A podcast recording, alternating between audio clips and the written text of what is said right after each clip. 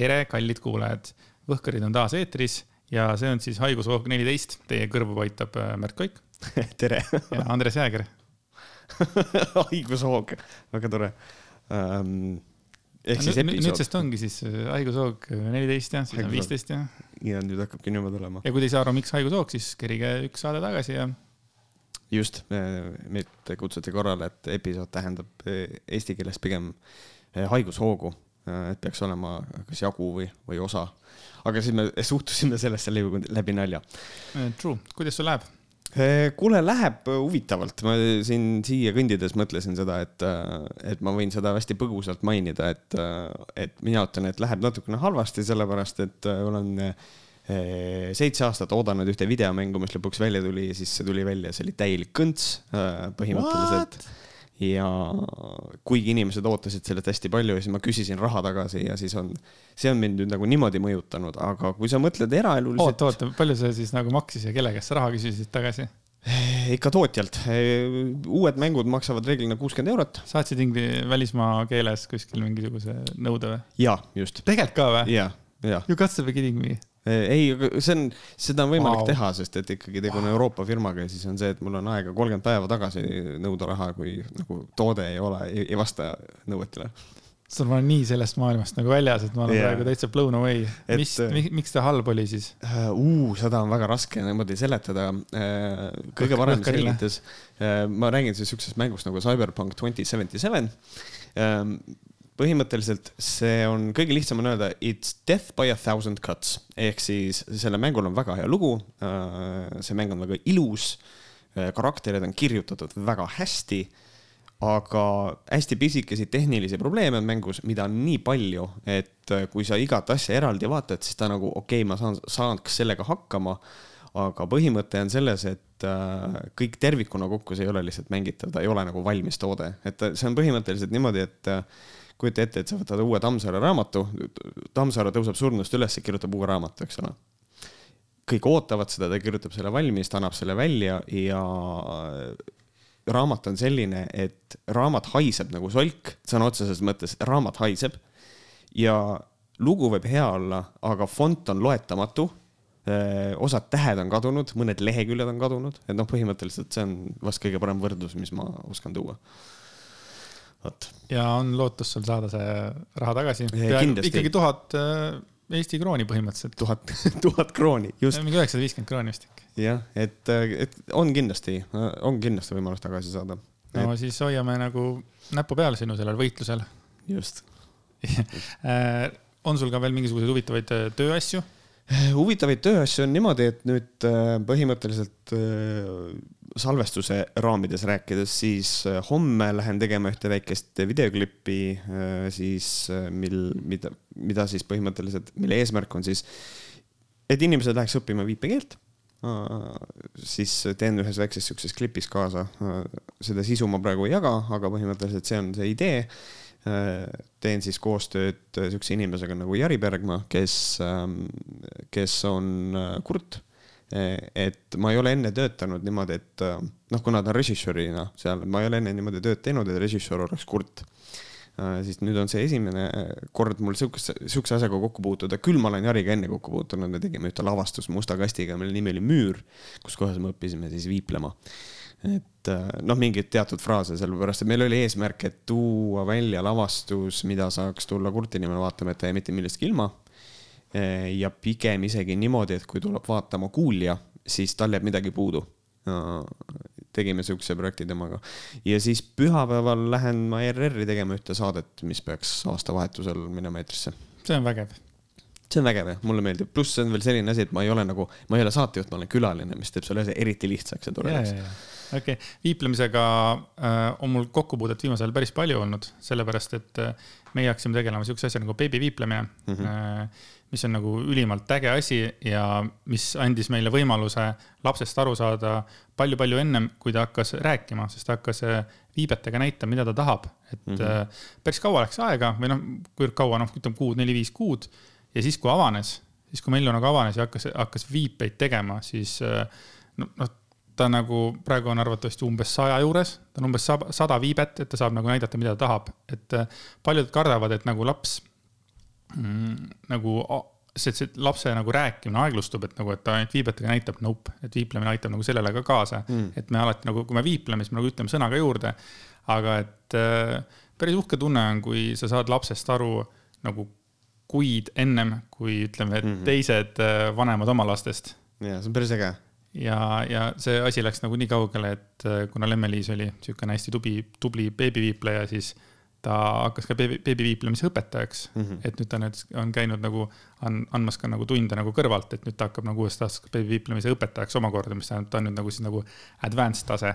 mina olen niisugune vend, kes äh, teab päris palju, aga ütleme, et näitab võib-olla välja rohkem, kui tegelikult äh, ma selle asja sees olen, et mm, et ikkagi ma olen veits, veits lazy, et noh mm,. Okay. põhiasjad on selged, viiplemine on üliäge, tegelikult see on äge okei okay., päris huvitav, ma olen nagu kuulnud sellest, aga ma ei ole kunagi nagu süvitsi läinud, et, äh, et noh, kui, äh, kui ma kuulen beebi viiplemine, siis see tundub mulle järjekordne niisugune mingi uus äh, popp asi, millega inimestelt raha koorida, aga seda on tore kuulda, et see päriselt nagu, nagu, nagu, et sellest kasu on. nüüd, nüüd oleks üliäge, kui keegi teeks kassi viiplemisega, et ma saaks aru, mida mu kass tahab see oleks üliäge, et kui kellelgi on kassiviiplemine olemas. iga, iga, iga liigutuse peale on täpselt. keegi paneb meili, mul on, jah. ma olen alati mõelnud selle peale, kuidas inimesed teavad, et mingisugused loomad ei näe värve või mingisuguseid asju, mida nagu see tähendab või kui lähed, ütleme loomaarsti juurde, ma lähen loomaarsti juurde, küsin, et noh, tehakse midagi, küsin, et kas kiisul nagu valus ka on, kui seda tehakse? ei ole, see ei ole. aga kust sa tead? mul on alati küsimus selle kohta, kust seda teatakse. või on see, et ta teab, aga ta valetab sulle aga sinul on alati olnud olemas mingisugune noh, loogika iga asja kohta. kust teatakse, et näiteks mingisugune loom ei näe värve äh,? ilmselt on vaadatud äh, nende loomade silmaehitust võib-olla või mingisuguseid äh, retseptoreid on ilmselt uuritud ja siis on sealt tehtud see järeldus, ma eeldan. Mis eeldab looma lõikumist ja lahtivõtmist muidugi, aga, aga noh, meditsiin ongi selline selge, äh, meditsiinist rääkides, siis äh, minul on äh, koroonaga üsna lähedane kokkupuude. nii? ei, ma ei ole koroonahaige veel. aga minu väga kallis, armas parim sõber Jüri jäi koroona, koroonasse. ongi nii? ja kolmandal või neljandal detsembril või midagi sinnakanti. ei, eelmine kolmapäev, whatever mm. -hmm ja siis ta nagu kirjutas mulle, et, et noh, ma nagu küsin ka, et nagu mis, mis, mis nagu siis toimub, mis tunne on ja ja no selles mõttes, et ta vist põhimõtteliselt oligi nagu voodis mingisugune viis päeva oli lihtsalt voodis ja palavik oli kolmkümmend kaheksa, kolmkümmend seitse ja pool. ja lihtsalt, lihtsalt, lihtsalt nagu, lihtsalt nagu suri, aga et ei läinud maitsemeel ära ja mm, -hmm. ja siis ma küsin, mis sa nagu üldse tegid selle ajaks, ta ütles, et ta nagu väga ei mäletagi, et ta nagu magas enamus ajast, mis on mm -hmm. nagu kõige parem viis haige olla minu arvates mm. -hmm. mina seda ei oska et siis nüüd siis jõudis nagu siis nagu hästi lähedale mm -hmm. ka koroona nagu päriselt, kui, kui siin kevadel naljatleti, et ei no ma ei tea mitte ühtegi inimest, kes teaks ühtegi inimest, kellel oleks koroona onju ja siis oligi numbrid kolmkümmend või mida iganes. siis see on ikka juba päris äh, lähedane värk ja arvestades sellega, kuivõrd tubli oli Jürts, oli see minu jaoks nagu eriline üllatus, et, et kui mm. mina pigem olin võib-olla mingitel hetkedel skeptiline ja, jõudsin nagu natuke hiljem mingite teadmisteni, siis tema oli nagu hästi tubli mm -hmm. selle, selle kogu, kogu selle asja koha pealt, et. ja nüüd ta on terve, vähemalt ta üleeile mulle niimoodi kirjutas ja, ja, ja ja mingi hetk näeme ka kindlasti ja, ja mm., ja räägime, et laseb veel veidi nagu kosuda ja. okei okay., see on, et noh, Äh, selles mõttes on nagu huvitav kuulda seda, et noh, et ikkagi oli nagu haige, et ei olnud äh, see, et, et ei ole järjekordne see, et ei, nagu ei olnud viga midagi, et ikkagi nagu haige, pluss sihuke kolmkümmend seitse, kolmkümmend kaheksa on kõige rõvedam palavik minu mhm. arust no pluss veel see, et äh, noh, kui keegi äh, ei tohiks jääda immuunsüsteemi või mingil põhjusel nagu koroonasse, siis see on just tema mm.. et noh, nagu sportlik inimene ja, ja, ja tugeva immuunsüsteemiga, no ma arvan, no ega ma ei tea, ma ei ole immuunsüsteemi vaadanud sisse. Mm.. aga ma olen kuulnud ka mingisugust, ma ei tea, kas see on mingisugune vale või õige jutt, et, et ka mingi veregrupp äh, pidi, pidi ka nagu mõjutama seda koroona nagu, ma ei tea, siis nakkamust või et noh, kellele külge tuleb? Vist, vist jah, noh, kui ma ei ole seda uurinud, see kindlasti on võimalik äh,, ei kinnita ega lükka ümber. et noh, täpselt samamoodi nagu näiteks äh, inimesed nagu noh, sellest oli juttu vist kas PERHi peaarstiga või Esimeses stuudios, et, et soomlased, soomlased ei nakatu millegipärast ja kui küsimus on see, et no või noh, nakatuvad, aga nagu vähem ja kui küsimus oli see, et miks, siis vastus ongi see, et me ei tea et noh, et äh, mingisugune niisugune, mingisugune selline näitaja, mis tuletab mulle meelde seda ka, et noh, tegelikult ka minu peretuttav jäi koroonasse, aga tema puhul on see asi natukene nagu sihuke hirmutavam, sest et põeb vähki ka.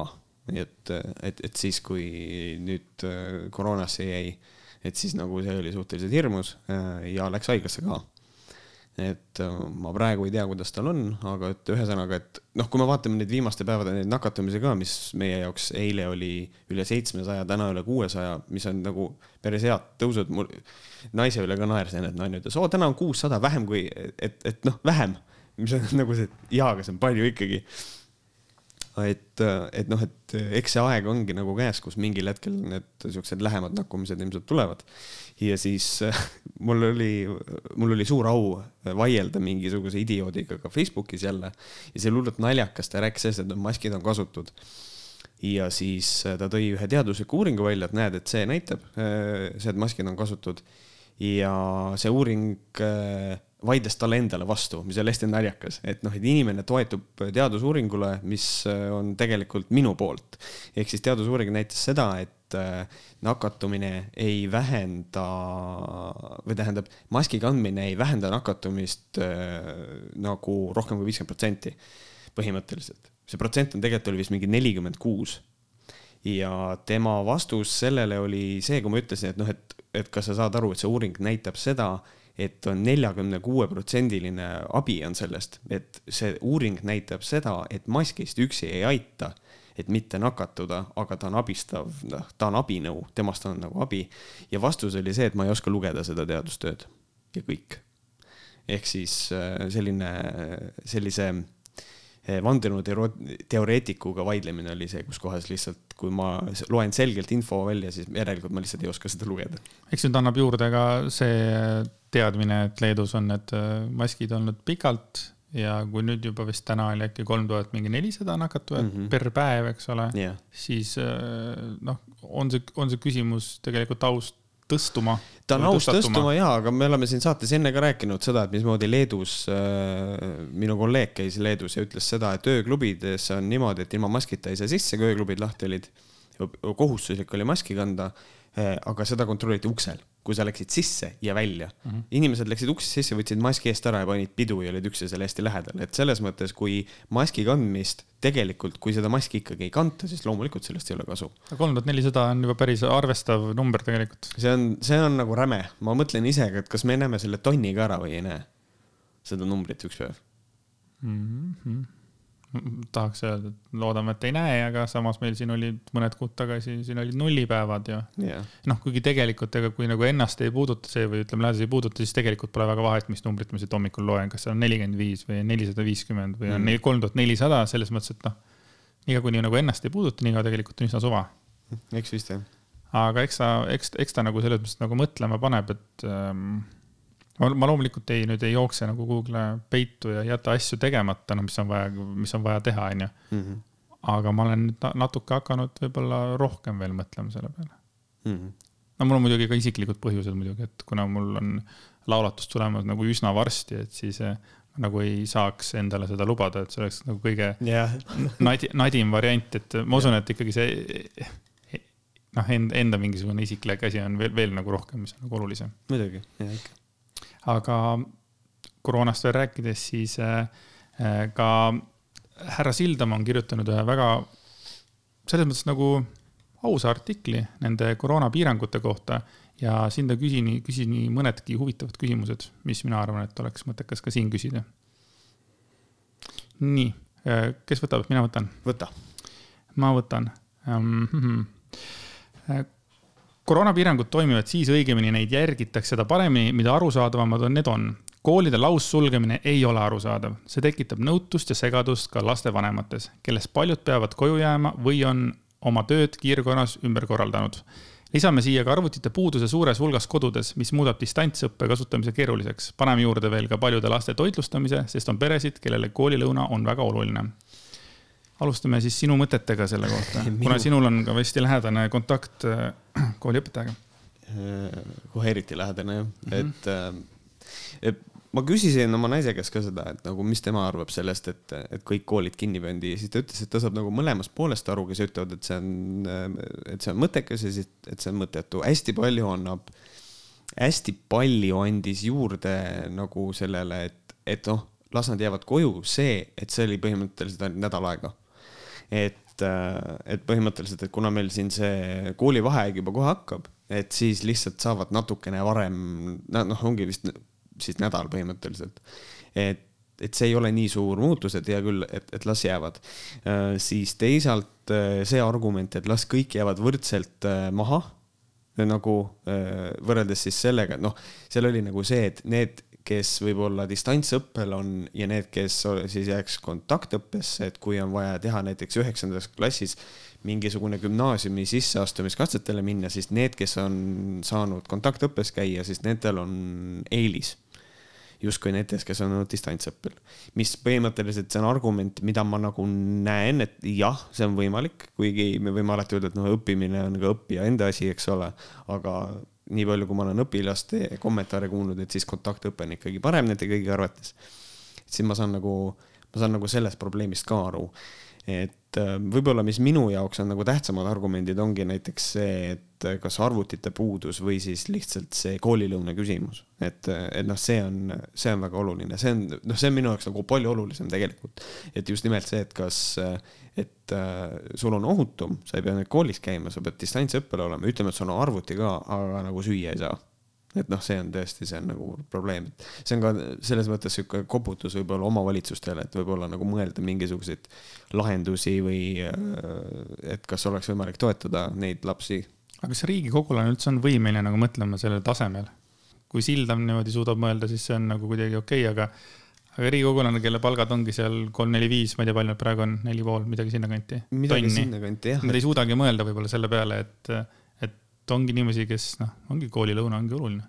see on absoluutselt võimalik, et nad võib-olla ei mõelnud selle peale jah, et noh, aga teisest küljest, kui me vaatame seda, kuidas need piirangute sätestamine meil käib äh, niimoodi, et meil valitsus ütleb ühte ja siis äh, noh, minu, minu, minu üks lemmikpoliitikuid, Mihhail Kõlvart on nagu see, et ei, see ei ole okei okay,, noh, see on, see on lollakas.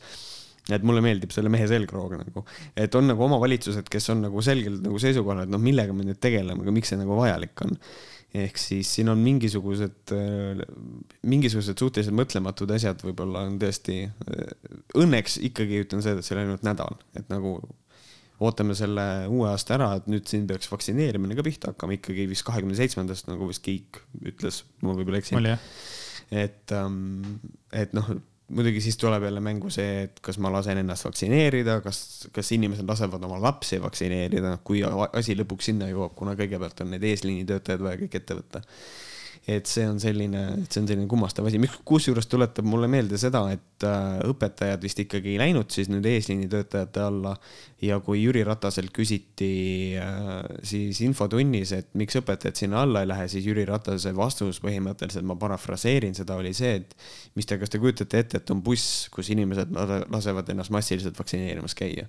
ehk siis ühesõnaga ta ei osanud sellele küsimusele adekvaatselt vastata ja pani ühe ratta jälle maha, et siukene suhteliselt nõme aga noh, teine asi see ka, et äh, see arvutite küsimus, et see on ka nagu väga oluline. et, ähm, et noh, kui, kui tõesti peres ei ole arvutit, siis, siis see on massiivne probleem mm. -hmm. no jälle ise ei suuda ka väga ette kujutada, et siukesi on, aga mm -hmm. ma kujutan ette, et see on veel suurem hunnik inimesi kui see, kes seda lõunat ei saa lubada näiteks. Siis on sihuke huvitav lause, mis mulle väga meeldis tegelikult, et kas valitsus tõesti arvab, et kõik koju lükatud õpilased istuvad kodudes, loevad laua taga süvenenud Tammsaaret või Hugo'd ja lahendavad iseseisva innukusega matemaatika või füüsika ülesandeid. aga võib-olla nad kogunevad tihedas summas sõprade korterites või hängivad kaubanduskeskustes äh, nina maski alt väljas ma arvan muide sedasama täpselt.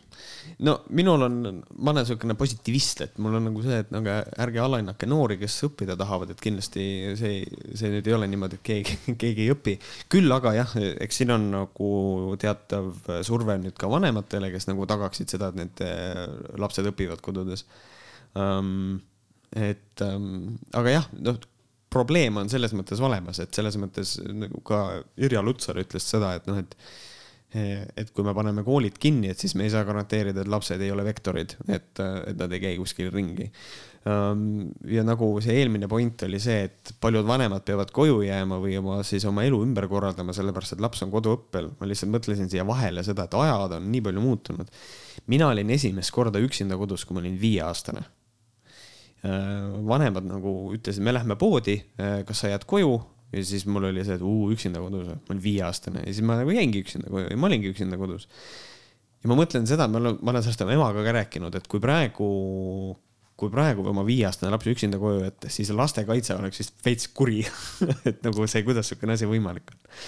et ähm,. no see oli mingi ajastu värk, et ikkagi noh, mitte et oleks nüüd siis rohi rohelisem olnud ja päike kollasem ja soojem, eks ole aga siis kuidagi lapsed olid iseseisvamad meid jäetigi kuidagi, et ei olnudki yeah. nagu väga, väga muud võimalust. ja et ja kindlasti mitte see ei ole minu argument, et mis asja, et saavad üksinda hakkama mm -hmm. ja jätke lapsed üksinda koju, vaid asi ongi see, et mida ma ütlen, et ajad on muutunud, et enam see ei ole üldse nagu, see ei olegi normatiiv oma laps niimoodi üksinda koju jätta, kui ta on viie aastane. aga see oli päris huvitav, kuidas Johannes Tralla, kui me, on sihuke tüüp jah, jah mm -hmm. intervjueeris seda Irja Lutsarit siin ETV-s ja siis küsis ta ka, et mida teie nagu arvate sellest, et siin ühed koolid et kõik koolid pandi kinni selles mõttes. Mm., siis, siis nagu ta, Irja Lutsar natuke üritas nagu jorupit ajada, aga siis ütles, et nojah, et tegelikult mina nagu seda ei soovitanud. Või noh, mina ei olnud mm selle poolt, aga et, et ma ka nüüd nagu ei, siis ei võidelnud nagu täie pasaga vastu. Yeah.. parafraseerisin nagu selles mõttes, et ta ei öelnud pasaga. Et see oleks muidugi hästi kui Irja Lutsar ütleks, et ma ei võidelnud täie pasaga vastu. et selles mõttes on ikka huvitav, et nagu, et noh, et see Irja Lutsar käib ja muidugi räägib igal pool, aga tundub, et tema sõna ikkagi, ikkagi ta on nagu veits nagu ette lükatud, et kui isegi ta sellega ei olnud nõus, mis tekitas praegu suurimat, noh, arusaamatust oligi see koolide teema ja teine, mis tekitas arusaamatust, oli see ujumistrenni teema, et siin Silda ma küsin ka, et miks on ujumistrennis ohtlik. Äh, sest noorte ja täiskasvanute sporditegevus on homsest kolm nädalat keelatud, aga spaas ei ole ohtlik, sest spaad jäävad ju avatuks jah, see on, see on, see on niimoodi, et kui see asi nagu valjult välja küsida, siis mul ei ole absoluutselt mitte mingisugust, no absoluutselt jaa, pange siis spaat ka kinni. aga mida mina näen, on, on, on see, et kui me räägime eh, mingisugustest sihukestest eh, mulle tundub, et seal taga on nagu mingi lobitöö, et ettevõtjate lobitöö on nagu see, et jätame spaad lahti, sest et muidu me paneme ennast kinni, Toila spa on täiesti paanikas ilmselt. et, et jätame spaad lahti, aga trennid paneme kinni ja see tundub mulle siukse asjana küll, jah. sest noh, kui mina käin spaas, siis ma ikkagi ju olen just lähestik inimesega ja hängin seal ja siis hängime saunades ja siis mm -hmm. ma ei tea, mhm. mullivannis ja seal on veel kaks inimest mullivannis, noh tahaks ju mullivanni minna, ikka lähen, eks ole mm. -hmm aga ma ei tea, ujumistrenn, ujum-, ujumine on ju tegelikult üks, ma ei tea, eraldatumaid, ma ei tea, sport, päris mitte eraldatumaid, sest vesi on vahel, selles mõttes on ta nagu eraldatud võib-olla teistega, et mm -hmm. ma ei tea, kas vesi, vesi koroona on nagu. Äh, minu abikaasa vist ütles, see, see nüüd ei ole nagu faktiväide, aga et tegelikult, et basseinis on ikkagi see, et äh, seal on kloorisisaldus nii suur, et see koroonaviiruse, koroonaviirus ei säili seal vist kaua aga, aga see on ka mingisuguse artikli pealt, et ma ei tea, kuidas see tegelikult on, mis need tegelikult uuringud on. aga küll jah, et vähe sellest, et ujumistrenn, noh, see oleneb ujumistrennist loomulikult, aga nagu põhimõtteliselt, kui iga ujuja on omal rajal, siis on see pikivahe õige ja seal on vesi ka veel vahel mm. -hmm, täpselt. aga ei, aga ma olen selles mõttes, et äh, pigem noh, pigem paneme kinni tegelikult, et nagu pigem paneme, aga siis peaks spaad ka kinni panema, sure mm. -hmm ja no pluss veel see, et ikka ka jõusaalidest on räägitud, mitte siin artiklis, aga, aga jõusaalidest on räägitud ja jõusaalides on ka mingid natukene veidrad nagu reeglid, et äh, lähed sisse, mask ees, riietusruumis oled mask ees, siis lähed jõusaali, siis võtad selle maski eest ära, teed seal trenni ja siis trenn lõpeb, siis paned maski ette, lähed äh, riietusruumi, oled maski ees ja duši alla lähed jälle ilma maskita ja hetkel tundub see nagu veits nagu veider. lihtsalt mõne hinge kinni hoida terve aja no, no jah, et kas noh, ma, ma nüüd ei saa öelda, et see on ka lobitöö, seepärast et noh, jõusaalid lahti. ma arvan, et on õige otsus. ütleme, et siis nagu inimeste tervis, et nagu noh, et on mingi koht, kus inimesed käivad ja see ei ole ikkagi, jõusaalid ei ole nii massiivne koht, nagu on ma ei tea, nagu see raba oli siin üks päev kevadel, vaata, mäletad mm., minge, minge, minge rabasse kõik ja siis üks päev olid kõik olid rabas, siis öeldi, ei ärge minge välja no.. ja, ja et selles suhtes, noh, ma ei tea, aga sind jõusaalid ei koti, nii et. ei, jah, ei koti. Let's, let's move on ja võtame kiire koroona uudise veel, et äh, rääkisime siin paar saadet tagasi korraks äh, sellisest nagu vahvast mehest nagu Rannamäe Toomas ja ta tegi oma Instagramis väga huvitava postituse, kus ta siis äh, kirjutas mina, Toomas Talen, südames soovin, et kõik, kes endale Covid-19 vaktsiini teha lasevad, surevad ära ja siis selle surmasoovi taustal on millegipärast Toomase naeratav nägu. et äh, lihtsalt sihuke väike tähelepanek. et need, kes võtavad vaktsiini. Need, kes lasevad ennast vaktsineerida siis põhimõtteliselt. Nad surevad ära. ma loodan, et te nagu surete ära kõik. mine perse, mis nagu, mis see sinu asi on, mida teine inimene, mida teine inimene siis teeb nagu, mis see sinu asi on? Mina pigem mõtlen, et kuhu see Toomas nüüd oma nende arvamuste ja asjadega nagu minna tahab, et tal oli päris hea platvorm tegelikult Rannamajaga. jah ja mida ta nüüd nagu, mida ta nagu teeb, et nagu. ikkagi näitas, et talle päeva lõpuks ta on ikkagi debiilik suht kurb, suht kurb nagu. ja eh, meid kuuldi eh, eilses saates, ma küsisin, mis on saanud Vennost, mis ja. värk on Venno Loosaarega nii. ja Venno Loosaarest tuli kohe uudis siin üleeile. ma loen selle ette lapse seksuaalses väärkohtlemises süüdistatav Venno Loosaar teeb seni kaasa Estonia lastelavastuses Pipi Pikksukk.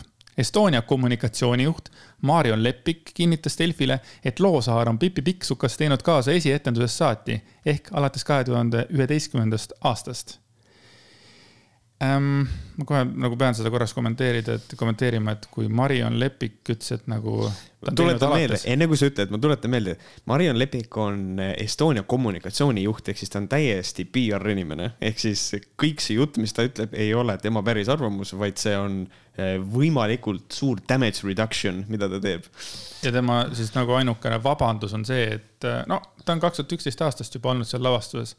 aa, okei okay,, cool, seega siis nagu pedofiilia süüdistusega härrasmees võib mängida nagu, teeme siis näo, et ta oleks juba, kui ta näiteks süüdi, süüdi mõistetakse, siis öeldakse ka, et no jaa.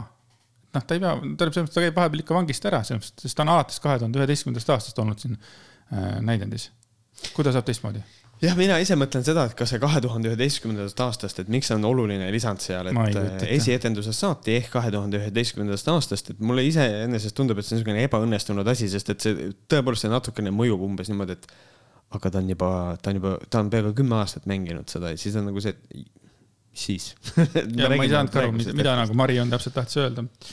Siis äh, möödunud detsembrist on tükki etendatud viiel korral, Loosaar on kaasa teinud neist viies esiti väitis Lepik, et rollijaotus tehakse lavastaja ehk Andres Dvinjaninovi ettepanekute põhjal. Dvinjaninov, kes ei tööta alaliselt Estonias, aga märkis, et edasine näitajate palkamine on siiski teatri enda otsustada. see on ülihea, sest et siin tuuakse välja vastuolu, et eh, rollijaotus tehakse lavastaja ettepanekute põhjal ja siis lavastaja ütleb, et no aga edasine on teatri otsustada, ehk siis ta tegelikult vaidleb vastu, ütleb seda, et no jaa, aga see ei pea niimoodi olema, et eh, kui teater otsustab, et on vaja keegi välja vahetada, siis seda võib teha, ta peab lihtsalt uue rolli endale sisse õppima, eks ole. siin ongi nüüd see probleem, et ähm, roll, väita seda, et rollijaotus tehakse lavastaja ettepanekute põhjal Eh, põhimõtteliselt nii-öelda see top press ehk siis kunstiline juht või siis teatridirektor võib selle üle kirjutada, ütleme, et ei, me ei taha seda inimest siia mängima. ja, ja ongi kõik, siin ei ole mitte midagi teha, et ta lihtsalt selles mõttes lavastaja on kõige kõrgem jõud äh, lavastusprotsessi juures, selle lavastuse juures. aga teatris on ikkagi inimesed, kes võivad öelda, et teeme nii, teeme naa see juba võib, see võib juba sealt et kui tuleb lavameister ja lavastaja ütleb, et ma tahan, et siin oleks niisugune suur kivist võlv oleks siia ehitatud ja lavameister ütleb, meil ei ole seda materjali, me ei saa seda teha, eelarve ka ei luba. no siis ongi, siis ei ole midagi teha, siis see lavastaja ei kirjuta nagu üle seda.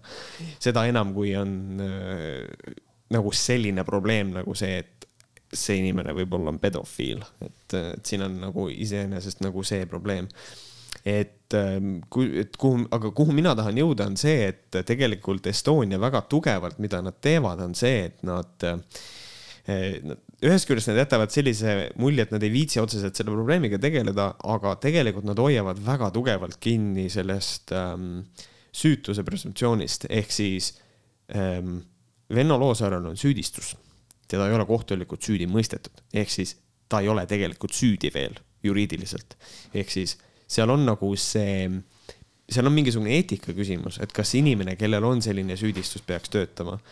et äh, ja sellele nad ju tegelikult ka vihjavad, et, äh, et noh, et tegelikult et ainult kohus on pädev, artiklis oli, et ainult kodus, kohus on siis pädev seda ütlema, kas ta on süüdi või mitte. et nagu selles mõttes, ma nagu selle nurga pealt saan aru, aga minu arust on siiski hästi kummaline, et sellise süüdistusega inimene ikkagi nagu mängib äh, sellises tükis nagu Pipi Pikksukk. oota, mina ei saa aru, kui me käisime Lemmega muusikali vaatamas, ma ei mäleta, mis muusikal see oli, midagi head arvatavasti, sest mulle meeldis. Äh, mulle meeldib muusikalid, too oli hea. siis oli seal kirjas, et näitleb, kas, kas, kes see oli see Mikk Saar mm -hmm. või siis a la Kalle Sepp.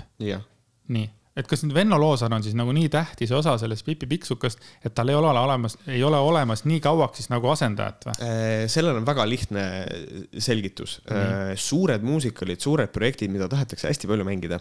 Äh, neil on neil on duublid ehk siis kaks inimest õpivad selle rolli sisse, et kui üks ei saa mängida, siis tema asemel mängib keegi teine et, et etendus ei jääks ära äh, lugedes seda Pipi Pikksuka asja, siis möödunud detsembris ta on tükki etendatud viiel korral, seda on väga vähe tegelikult viiel korral ja Loosaar on seal ka viis korda mänginud.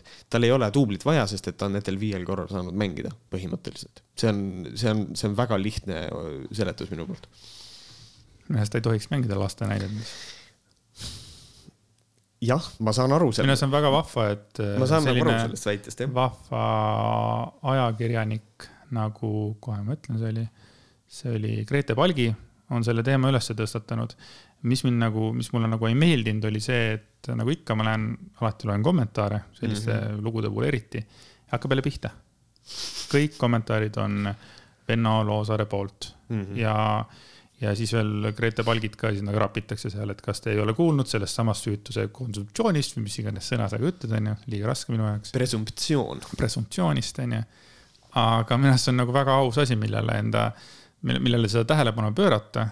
arvestades sellega, kui tegelikult jõhker kuritegu võib olla Venno Loosaarel mm. -hmm et noh, selles mõttes mina leian seda, et kõige, et ühest küljest on nagu see, et et noh, leidke asendaja, et ärge nagu katkestage Venno Loosaarega mingisugust lepingut, sellepärast et me nüüd temaga koos ei tööta, aga ärme teda lihtsalt praegu lavale lase ja siis tuleb keegi teine, mängib duublit ja siis, kui kohtuotsus on teada, tuleb välja, et tegelikult see oli küll bullshit ja ta on süütu, siis äh, võib see asi jätkuda. pluss mul on tunne, et ta ei ole ka eriti oluline osa selles äh, näidendis või on ta nimi ära kustutatud, aga kui ma läksin, vaatasin Pipi Pikksuka Eh, näitlejad, kes seal nagu mängivad, siis seal oli mingi üheksa või kümme nime, aga Venno Loosaart seal ei olnud. nüüd on küsimus, kas see on siis nagu, eh, kas nad ikkagi teavad, et nad teevad valesti ja nad peitsid selle Venno Loosaare sealt nimest minema mm.. et nagu, et seda, et, et ei näidatagi seal nende pearollide all või eks ole. huvitav jah.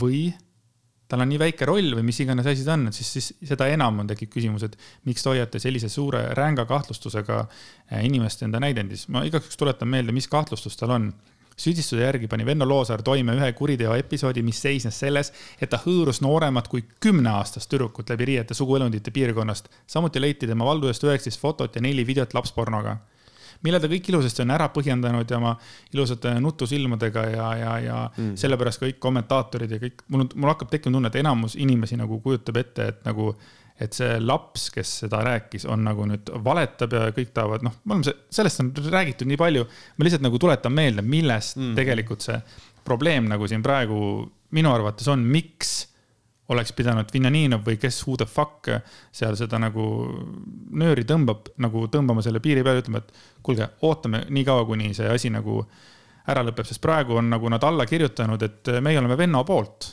minule tundub, minule tundub see niimoodi no sulle tundub see niimoodi, minule tundub see niimoodi, et Estonia konkreetselt lihtsalt äh, ei tegele ühe probleemiga ja lihtsalt äh, ja, ja ongi nagu kõik, aga selles mõttes, et äh, mil, mis minu jaoks on, millega minul on alati probleem, on see hearsay. Ehk siis on see, et tema ütles ja see on nagu kõik, aga fakt on selles, et Venno Loosalu arvutist leiti lapspornot, mis on tegelikult nagu jaiks, et nagu see on nagu, see juba midagi peaks nagu näitama, et nagu selles mõttes nagu selle valguses küll, et ma olen, et noh, selles mõttes mida ma nagu ütleks inimestele ka, kes ei suuda nagu mingit seisukohta võtta, ütlevad, et no aga Venno räägib nii ausalt ja kõike seda, siis ei tohi ära unustada hästi lihtsat asja.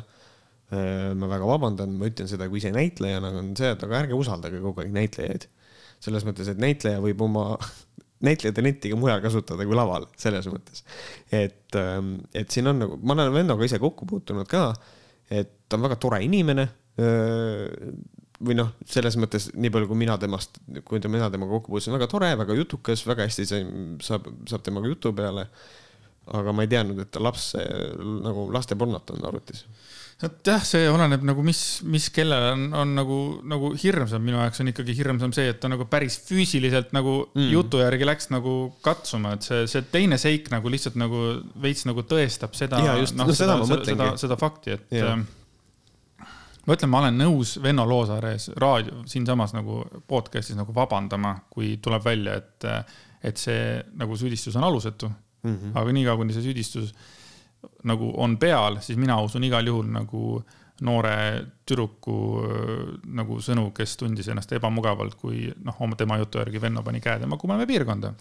jah, siin on, siin on minu isiklik lemmik on see ka, et äh, mingisugune sihuke vandenõuteooria, et keegi tahab lihtsalt vennat maha võtta. On... ja siis on nagu see, et jällegi ma olen vennaga kokku puutunud, minul on olnud temaga ainult positiivseid kogemusi ja kui see nüüd vennad pahandab, mis ma just ütlen, siis palun vabandust, aga noh, tegelikult kas Venno Loosaar on selline inimene, keda keegi tahaks maha võtta või?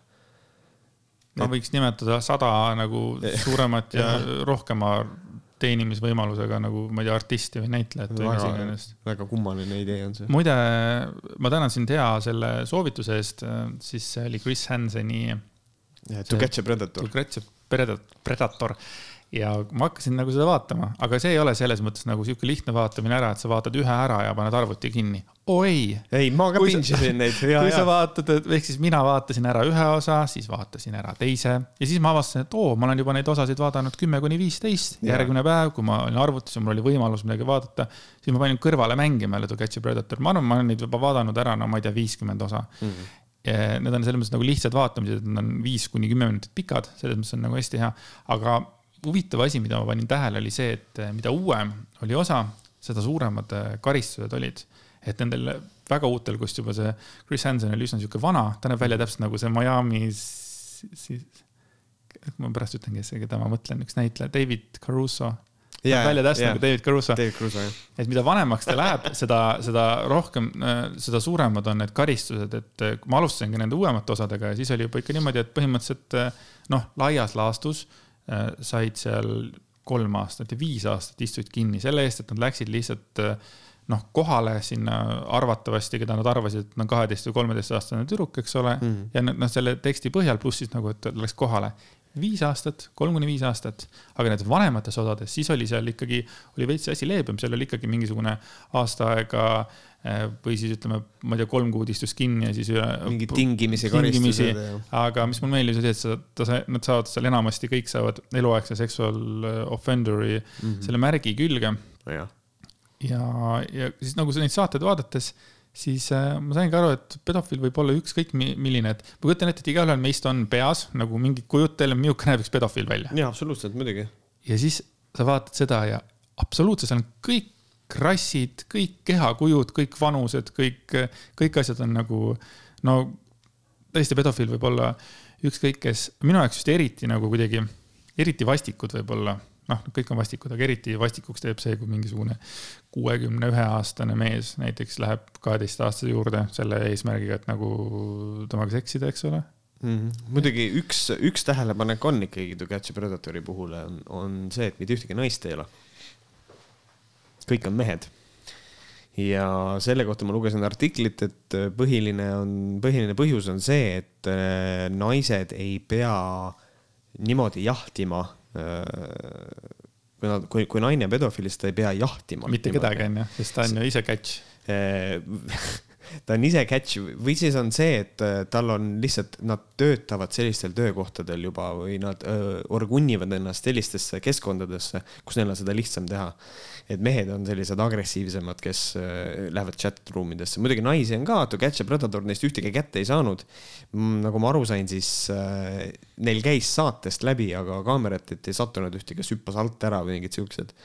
aga et et äh, naisi, paraku on niimoodi, et äh, kui räägitakse pedofiilidest, siis kui kellelgi on ettekujutus, siis see on alati see, et on mees. ja tegelikult naisi on ka otse loomulikult. ja mis, mis ma nagu toon veits nagu jälle Venno sisse, siis vaadates igaühe nende selgitusi, selgitused olid täpselt samamoodi, nad olid, kõik olid, kõik predatorid olid ülinunnude silmadega ja selles mõttes, kuidas nad rääkisid, et tõesti, et noh. Äkki, äkki Venno Jaanet, see oli esimene kord, aga et äh, iga kord nad ütlesid, et noh, ei, ma esimest korda nagu teen seda ja ma ei teadnud, iga kord küsisid, et kas sa tead, kui vana see tüdruk on? kaheksateist. Äh, siis see David Caruso välimusega, Chris Hansen ütleb, et äh, ei ole kaheksateist, et äh, kolmteist, ei, kaheksateist, et üks tüüp ütles, et ma ei näinud, et noh, et, et mu silmanägemine on kehva, et nagu jah, aga endast palju tüdruga pilte sa küll näeb teha ja saata, eks. ja noh, noh, pluss see on see vana hea, et noh, ma ei teadnud, et, et noh, jah, aga sa ei tee seda asja kuidagi leebemaks, et, et, et sa ei teadnud, et ta on noor, sa pead nagu olema veendunud selles nagu.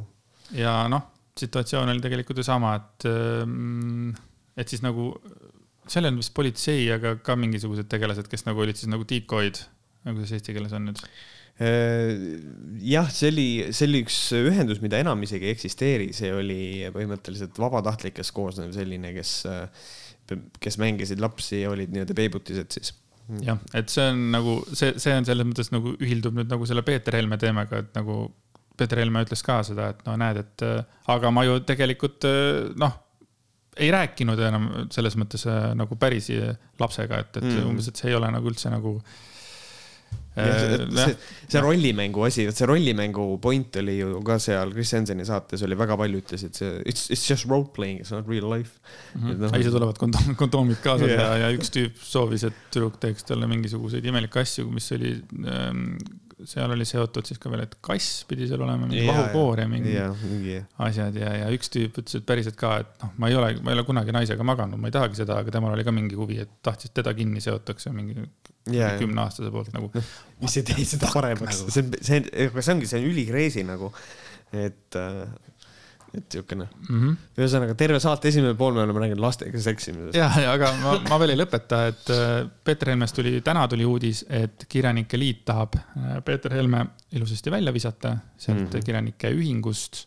aga seal on mingisugune leer, kes seda ei soovi ja Maimo Berg lausa nimetas äh, liidu listis peetud kirjavahetus Helme ümber toimuvat koguni nõiaprotsessiks ja, ja mm,. see on nagu väga huvitav. et noh, nagu ta on kohtus süüdi mõistetud, igasugune alus on Just. välja arvata, et äh, ja siis on need, kes ütlevad, et noh, et see on ikkagi äh, süüdi lavastamine ja kõik see, noh, see on nagu lihtsalt sure, davai, aga siis, kui see, kui see oleks süüdi lavastamine, siis aga näita mulle need tõendid, et see on süüdi lavastamine, see on lihtsalt väide ma ei tea, see on nii kummaline. aga ma tahaksin veitsa nagu nahutada Rahvaraamatut tegelikult. Äh, mind kohutavalt häiris, äkki juba eelmine nädal hakkas pihta see, et äh, emailile tuli Rahvaraamatu poolt nagu ekstra nagu pakkumine, et, äh, et noh, nüüd, nüüd saab Peeter Helme raamatu, mis iganes, Haakrist ja Perseauk või ma ei tea, mis see oli, saad kaheteist euriga, onju et see on nagu. et kas Rahvaraamat oh. nagu, kas ta nagu üritab nagu nüüd nendest viimastest raamatutest lahti saada või on mingisugune siis see Peeter Helme mingisugune produtsent või kes see kirjastaja või kes iganes on seal mingisugune makstud raha, et davai, et nüüd teeme selle mingi allahindluse, et nüüd on viimane hetk on ju, enne kui ta lõpuks kinni ära läheb või. aga see nagu ajastus ei ole nagu ülivale ja, ja rääkinud sellega, et Rahvaraamat tegelikult ju solgib minu meilikasti sellega, et ta tuletab mulle iga päev mingi pedofiili äh, nagu mingi pedofiili meelde, miks? Jah, ja siis ma, issand, ma ei, ma ei kujuta ette seda Rahvaraamatu, seda marketing osakonda, kes nagu see, see asi läks välja ja siis oli, et oh fuck, see ei ole, ai raisk et nagu tegelikult mingil hetkel nad said aru, raisk, oota. aga see ei, mm. aga see ei pidanud isegi mingi uus raamat olema, minu arust see oli ikka mõned aastad vana raamat, mis, mis tekitas mm -hmm. mul veel rohkem küsimusi, et miks te, miks nüüd hakkas nagu see asi pihta nagu.? äkki ikkagi on see, et äkki inimesed ei pane tähele, äkki ostavad ära. meil on laos neid nii palju, sest et mitte keegi ei osta Peeter Helme raamatuid niikuinii Siis... aga, aga ma sain nagu vastukäe ka sellele, kui ma nagu Instagramis no, ütlesin, et miks see toimub ja siis mulle üks inimene kirjutas, et aga see on väga hea raamat, proovi, anna võimalus. ma ütlesin, et ei anna ma ei anna põhimõtte pärast sellele võimalust. nojah, vaat see on nagu see küsimus, et kas sa eraldad kunsti kunstnikust. siin on nagu see küsimus küll jah et mõnes mõttes, äh, mõnes mõttes küll jah, et noh, näiteks mina olen ise hakanud uuesti Manovari kuulama, kuigi kitarrist jäi vahele sellega, et oli arvutis lasteporno. Aga siis ma kõigepealt alustasin sellega, et ma kuulan neid vanemaid albumeid, kus on teine kitarrist, kes ei olnud pedofiil siis on nagu kuidagi sihuke. ei, ilmselgelt ma olen nagu ka, ma räägin ka endale risti vastupidist, sellepärast et ma olen rääkinud päris mitu korda Erilase pesas sellest, kuidas Michael Jacksoni mu muusikat hakati bännima nagu eetrit mm, -hmm. eetritest ja et nagu ma, mina nagu isiklikult ei ole nagu sellega nõus ja samamoodi ütlesin nagu, et ma tõstan välja selle muusika nagu sellest, tema sellest äh, olemusest, sellepärast et noh, enamasti me ei tea tegelikult enamuste, ma ei tea, näitlejate või lauljate või ma ei tea, paljudel me ei tea nägusid ega üldse, millega nad tegelevad või mis on mm -hmm. nende mhm. huvid või et nagu, et see ei ole sellega seotud. ma ei tea, kas ma nüüd siis on, olen alaarenenud või arenenud selle mingisuguse poole aasta või aastaga, aga nüüd ma nagu noh, vähemalt Peeter Helme puhul ma kuidagi tunnen, et ma ei taha seda raamatut kätte võtta. no mis on okei okay, selles mõttes, et noh, et see on täpselt, siin on samasugune küsimus, et kui et kui tuleb välja see, et nutitelefoni ei leiuta ja oli pedofiil, et kas siis see tähendab seda, et me ei kasuta enam mitte kunagi nutitelefoni minema põhimõtte pärast. et noh, see on täitsa selline küsimus küll jah, et, et noh, mõnes mõttes kui inimene tunneb, et ta tahab seda raamatut osta, siis nüüd tal on see võimalus. lihtsalt selle raamatu väärtus on langenud, seda, mida ka Rahvaraamat ilusasti reklaamis mm. -hmm. aga To Catch a Predator, lükake Youtube'i sisse, võtke Märdi soovitus kuulda ja mina soovitan veel juurde. just, et see on niisugune tore hea vaatamine mõne, mõne muu tegevuse kõrvale. just, aga toimunud ka ilusaid asju. ja kõige ilusam asi, mis on toimunud kindlasti viimase nädala jooksul, on äh, Siim Pohlaku poolt tehtud äh, abielu ettepanek ma mõtlesin, millest sa räägid tegelikult on. ma mõtlesin, kuradi, millest sa räägid, mis ilus asi. aga tõesti jaa, Siim Pohlak tegi Riigikogu kõnepuldis oma naisele abielu ettepaneku, sest et teemaks oli siis selle referendumi edasilükkamine. tahaksime, ma tahaksin selle ette lugeda selle, sest see oli minu arust vahva. lase käia et siis temale esitati küsimus või siis, et täna on räägitud äh, siin palju abielust ja väärtushinnangutest ja inimeste omavahelisest suhetest. kas ma olen õigesti aru saanud, et teie ei ole abielus ja kui te ei ole abielus, siis miks te ei ole? Siim Pohlak mõtleb, vaatab ja ütleb. korra läks juba debatt sellisele isiklikule tasandile. ma ei tea, kas te rahuldute selle vastusega, kui ma ütlen, et jah, mul on pikalt olnud plaan juba oma laste ema omale abikaasaks kosida. siit puldist räägitakse ka Eesti rahvaga. võib-olla ma võin rääkida ka oma kaasaga ja plaanisin seda küsida pühade ajal, aga võin küsida ka siit praegu. et armas Renate, kui sa seda ülekannet vaatad, sa oled meie, meile perre sünnitanud kolm väga armsat ja toredat last. kas sa tuleksid mulle naiseks? ma põlvili ei hakka siin puldi taga laskuma, sest eh, siis ei ole ju mind kuulda ega näha enam, aga õhtul kodus teen kõik nagu kord ja kohus, et plaanisin seda asja teistmoodi. aga ma ei taha kuidagi, et minu perekonnaseis diskrediteerik-, diskrediteeriks tegelikult head eelnõud. ja veel kord ma küsin Renatelt selle küsimuse oma naiselt ja ma usun, et rohkem seda täna käsitlema ei pea, kuna see oli mul nagunii plaanis. aitäh ma, ma äh, aiman, et äh, ka sinus tekitas see mingisugust emotsiooni. ja ma mäletan seda, ma, ma ei mäleta, mida, see oli, see oli hilja õhtul, ma vist äh, vestlesin Discordis just oma sõbraga ja siis äh, mul naine tuli joostes tuppa, ütlesin, Märt, Siim Pohlak just esitas äh, abielu ettepaneku oma naisele Riigikogu puldis ja siis ma olin, et okei okay.. ja tegelikult see on äh,, minul on nagu see tunne, et et äh, kas ei ole tore mõelda selle peale, et see, kindlasti keegi näeb seal taga seda, et mõtle, kui julge mees terve Eesti Vabariigi ees äh, palus oma naise kätt. aga nagu mina ei saa üle ega ümber sellest ka, et, et ta lihtsalt politiseeris oma abielu, oma abielu ettepaneku sajaprotsendiliselt. ma isegi tweetisin äh, siukse asja, et, et kui nüüd üks laps küsib, et noh, et kuidas, et kuidas isa siis ema sul sind nagu naiseks palus? Ja vastus on see, et noh, tal said tegelikult Riigikogus argumentid otsa et noh, põhimõtteliselt see on lihtsalt, et see abielu nüüd, see abielu ettepanek mõjub sellise farsina minu jaoks, et, et, noh, et lihtsalt, et sellest ebamugavast küsimusest välja tulla, siis ta pidi äh, oma tulevase abikaasa kätt paluma. nüüd, kui me küsime seda miks iganes teise selle, äh, kes noh, kelle iganes teise käest, kes ei ole abielus, siis mis, siis mida, mida siis nagu vastata et noh, kes, kui, keegi ei ole abielus, et siis see paneb nagu sellise surve, kas siis nemad peavad ka siis oma elukaaslasega kätt kohe hakkama paluma, et. et selles mõttes, äh, kui küsimus oli selles, et kas niisugune asi on eetiline, siis äh, nagu selles mõttes see on, see on nii hall ala, et noh, et ei, ta nagu ei ole nagu ebaeetiline, aga ta on kuidagi erakordselt lollakas, on nagu oma abielu ettepanekut niimoodi laskemoonana kasutada hoopis teisel eesmärgil kui see, et sa palud kedagi endale naiseks, siis selle asemel on see kuidagi mingi poliitiline ärapanemine, minu arust on okse. minule ei meeldinud pigem see, kuidas sa ütled, et, et ma ei taha kuidagi, et minu perekonnaseis diskrediteeriks tegelikult head eelnõud. ja siis nagu noh, küsis uuesti. et sellega ta tõesti, oleks ta selle lause kuidagi jätnud ütlemata, siis ma võib-olla oleks ka võtnud seda nagu veits romantilise žestina hmm.. aga ta, ta nagu tõi, tõesti tõi poliitilise selle äh, situatsiooni nagu sinna sisse. teistpidi nagu vaadates, et see ei olnud tal ikkagi nagu, nagu planeeritud, see oli nagu show element, et, et Siim Pohlak äh, ikkagi on üsna hea jutumees, aga minu arust sel hetkel ma nägin, et ta läks nagu närvi ja kergelt nagu ta tundis nagu mingisugust sihukest teistsugust pinget. et mulle nagu natuke meeldis seda tema inimlikkus selle juures, et ta ei teinudki mingisuguseid äh, imenippe seal mm.. ja kuna ma olen romantik, tegelikult olen väga suur romantik, siis äh, minul on alati meeldinud äh,. no ma olen nagu filmidest alati šnitti saanud seda, kuidas nagu abielu ettepanekut teha, vaata mm. -hmm. siis äh, mul on alati meeldinud äh,, ma olen alati mõelnud, et ma tahaksin teha selle kuskil sellises suures, suures kohas, suure žestina a la mingisugusel, ma ei tea, suure korvpallimängu ajal või kuskil tõesti noh, eetris kuskil, kus sada tuhat inimest vaatab, on nagu veel nagu mm -hmm. hardcore im, et selles mõttes no veits nagu on romantiline, võib-olla ta ei tulnud päris nii välja, nagu ta sel sekundil mõtles, et tuleb. et veits nagu oli, noh, seal mingisugust romantikat. aga Siim Pohlaku puhul on huvitav see, et äh, mina, tema ma ajasingi selle Poolametsasega segamini siin mingisugune paar-kolm saadet tagasi mm. -hmm.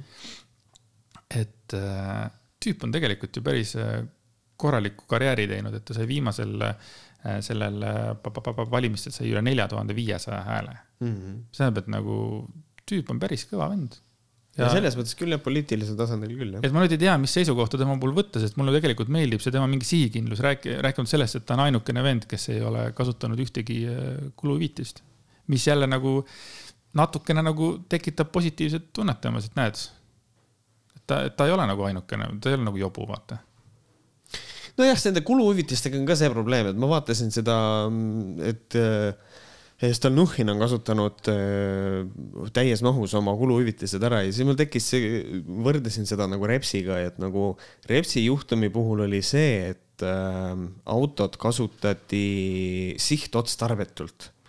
aga kuluhüvitisi sa saad kasutada niimoodi, et kõik on juriidiliselt korrektne. ja need on ette nähtud, et, et nagu selles mõttes, et isegi kui Stalnuhhin on enda kirjutatud raamatule selle raha pannud, siis on lihtsalt see, et selles ei ole Stalnuhhin süüdi, et seadus lollakas on. et nagu kui on, et noh, et et noh, mõnes mõttes on see, et kui keegi on, jätab välisukse lahti, paneb sinna peale sildi, et võtke kõik, mis ei ole kinni naelutatud ja siis, siis on pärast veider süüdistada kedagi nagu, nagu varguses, natukene tundub nagu veider. et siin mõnes mõttes on minul nagu see küsimus, et mina nendel kuluhüvitiste peale üldse ei mõtle näiteks et minule ei anna see mitte mingisugust lisaväärtust poliitikule nagu, nagu juurde, aga noh, see on absoluutselt, see on lihtsalt maitse küsimus. aga selles mõttes, et kas see oli nagu romantiline, siis nagu väga raske on nagu, nagu jah, jah, eks ta oli, minu arust oli see kummaline, aga kumma, kummaline, ent romantiline. nüüd said siis, Renate sai ka veits rohkem nagu seda kõlapinda, sest et Renate on ju lauljatar, kes on üle kümne aasta olnud nagu selles mõttes nagu, nagu põlvelaulik mm, -hmm. et ta on nagu kuidas võrdlen seda nagu, nagu Patune pool, võib-olla natuke väiksemas stiilis, et umbes, et mm -hmm. noh, Lõuna-Eesti nagu rahvas hüppab tema najal, aga et nagu noh, tal ei ole selliseid hitte, mida raadio mängiks või midagi, et nüüd oli nagu või see, või oli mingi PR trikk, trikk, või? äkki oli PR. hakkad jälle mõtlema, et samas, et. et nüüd võib-olla ongi see, et nüüd, et see oligi nüüd, võib-olla saab aasta lõpul mingi isegi kutse kuskile esineda. samas koroona on ilmselt ei saa, sitt ajastust tuleb välja. see oleks PR, PR stuntiks nagu True, true, seda küll. nii. aga selle abielureferendumiga, mis siin nüüd, äh, me jõuame selle kuradi lollaka seedrini jälle, ma. see on lihtsalt ähm, ma lähen nii närvi raisk, mul on nagu see, et äh, juba siia tulles mõtlesin, et mis võiks saate pealkiri olla, et ma ei tea. tead, aga ma tunnistan ausalt, ma olen vist veits nagu, nagu Seedri puhul nagu nii kuidagi hellaks tehtud, vahet ei ole, mida ta ütleb, ma näen seda mingisuguse veits nagu teise nagu, nagu pilguga. et mul on tunne, et ma nagu otsin veits ka ikkagi tema puhul seda, et sest et ta on nagu nii palju nagu sitta suust välja ajanud ja iga fucking saade tuleb jälle vaadata, mida Seeder jälle suust välja on ajanud. jah, just, et noh, siin on äh, sai jälle hakkama kuradi lollusega, et äh, siin on, meil on viide vist Objektiivi artiklile, aga näiteks äh, mida on Seeder öelnud, on seda, et tema arvates on rahvahääletuse takistamine äh,, et, et see on silmakirjalik et Riigikogu valimiste järgselt sõlmitud kompromissina leppis koalitsioon kokku rahvahääletuse korraldamise. kriitika ja etteheited, et seda ei ole vaja, sest abielu on seadusega kaitstud, on variserlik, kuna kooseluseaduse eh, varasemad toetajad on teinud ettepaneku seadustada samasooliste abielu. ehk siis eh, põhimõtteliselt, mida ta ütleb, on see, et, et noh, et et see on variserlik, sest et abielu on seadusega kaetud, millest ta nüüd aru ei saa, on väga lihtne asi. Helir-Valdor Seeder, kuula, ma teen sulle ühe asja selgeks. samasooliste abielu tahetakse seadustada sellepärast, et antud hetkel ei luba seadus neil abielluda. ja läbi selle võime, võibki öelda, et abielu on juba praegu seadusega kaitstud.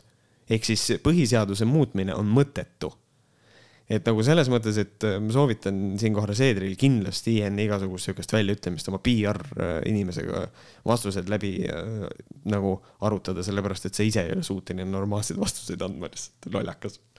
mind häiris sõna variserlik, ma pole elu sees sihukest sõna kuulnud, kust ta tuli? variser, variser tähendab valetajat, variser ja see on variserlik. Eesti keel ja siis veel see, mis on nagu, nagu hästi tore, et Seedri arvates tooks samasooliste abielu seadustamine kaasa samasooliste paaride lapsendamise õiguse ja sealt edasi lastega hangeldamise, surrogaatemaduse ning sündidega manipuleerimise. lastega hangeldamine, surrogaatemadus ja laste ja sündidega manipuleerimine, need on kõik asjad, mida siis tuleb veel, nagu praegu ei eksisteeri või et nagu need asjad on praegu ka olemas, täpselt samamoodi, et nagu miks see, aga siis tegelege selle probleemiga tehke siis see asi korda. või, või on nagu see, et need probleemid on praegu piisavalt pisikesed, et keegi ei pane neid tähele.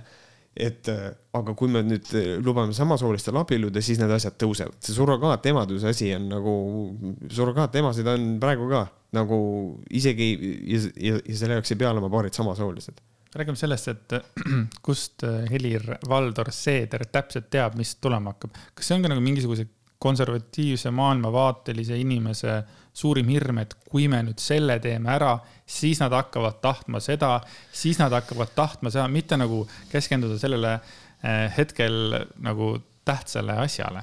jah, no see ongi, see on see libeda tee argument alati neil, et äh, kui me teeme nii, siis juhtub nii, ehk siis noh, see on vana hea, üks kõige lollim argument on see, et ja, et lubame, lubame geiabielud ja siis varsti tahetakse laste ja loomadega ka abielluda, onju, mis on nagu see, et et esiteks äh, need on ka, need asjad on omavahel täiesti võrreldamatud.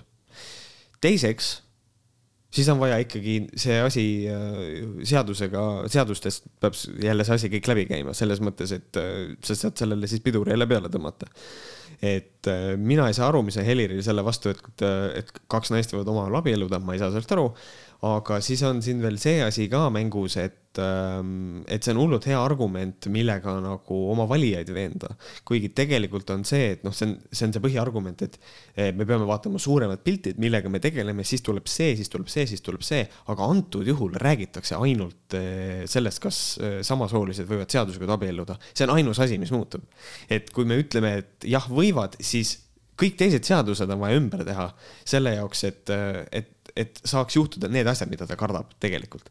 ehk siis see on tegelikult, see on, see on demagoogia, sest et igaks juhuks kordan uuesti üle.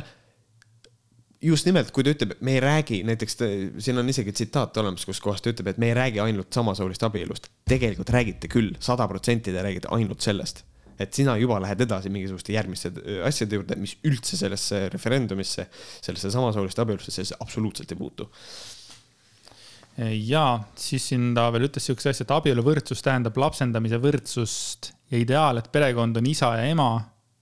ja lapsed saab olema juriidiliselt ja poliitiliselt ebakorrekt-, korrektne ning lakkab olemast toonitas Seeder, see lakkab olemas, saad aru või? lakkab olemas, siis kui samasoolised võivad abielluda, siis ideaalid kaovad ära. kõik. Ma kirjutasin, ma kirjutasin siia juurde, kuna ma olen algaja filosoof, siis ma kirjutasin siia juurde, et ideaal lakkab olemast.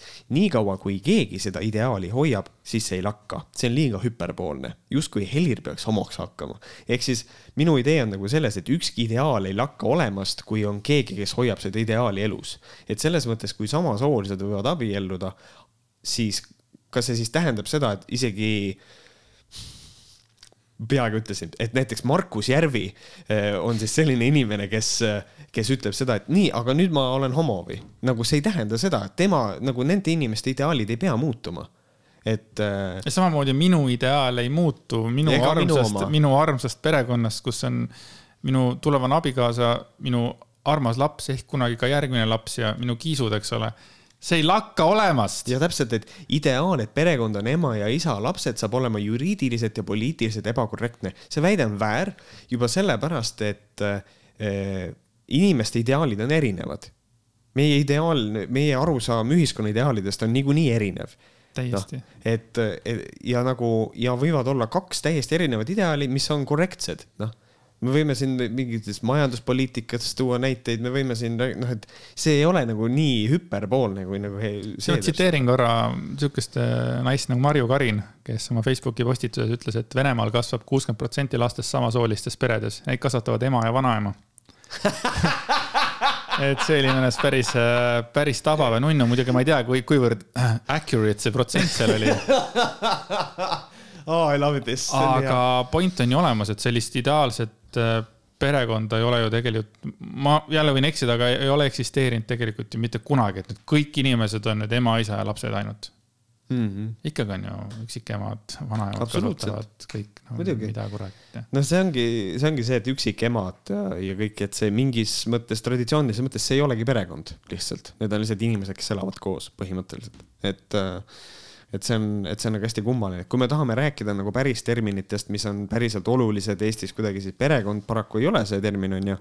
või õnneks, ma ei tea, et meil on siuksed terminid nagu leibkond, eks ole äh, mis, millel on oma tähendus, et noh, see perekond, see ongi mingisugune maailmavaateline küsimus põhimõtteliselt, et selles mõttes, et kui meil on äh, ma tean, sellel on kindlasti olemas ka vastuargumendid, aga kui meil on igas mõttes traditsiooniline perekond, aga seal on perevägivalla probleem, siis kindlasti mõned ütlevad, et no siis ta ei ole traditsiooniline perekond, aga ta vastab tegelikult kõikidele nõuetele peaaegu, eks ole, et see on hästi kummaline asi.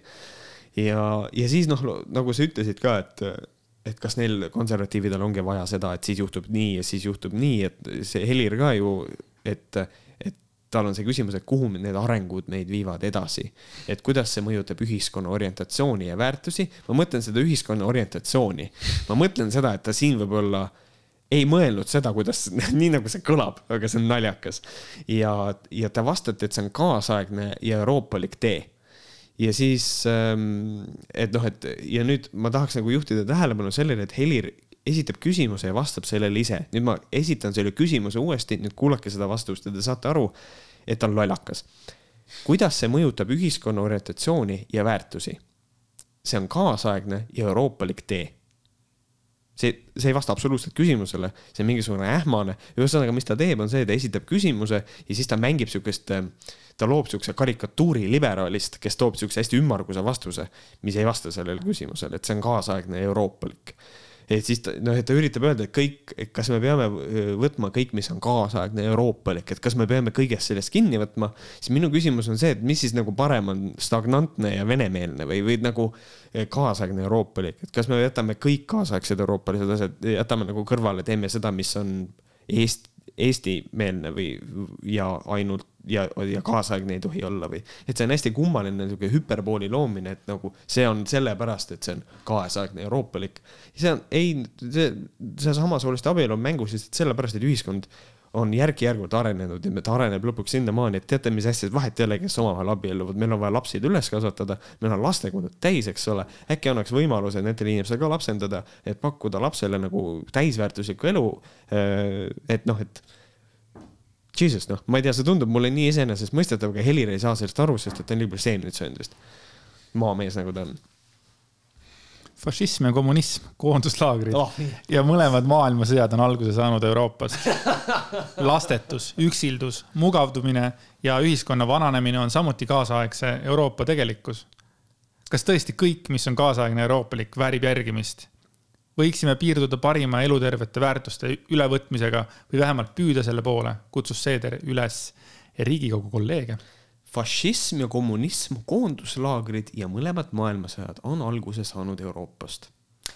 ma arvan, et Euroopast on alguse saanud ka selline asi nagu rahvuslus, mida minu arust Seeder ka viljeleb natukene, onju, aga see on, siin on nagu, see on hästi veider, et ta tegelikult täiesti teadlikult võrdsustab siin lastetust fašismiga ja koonduslaagritega.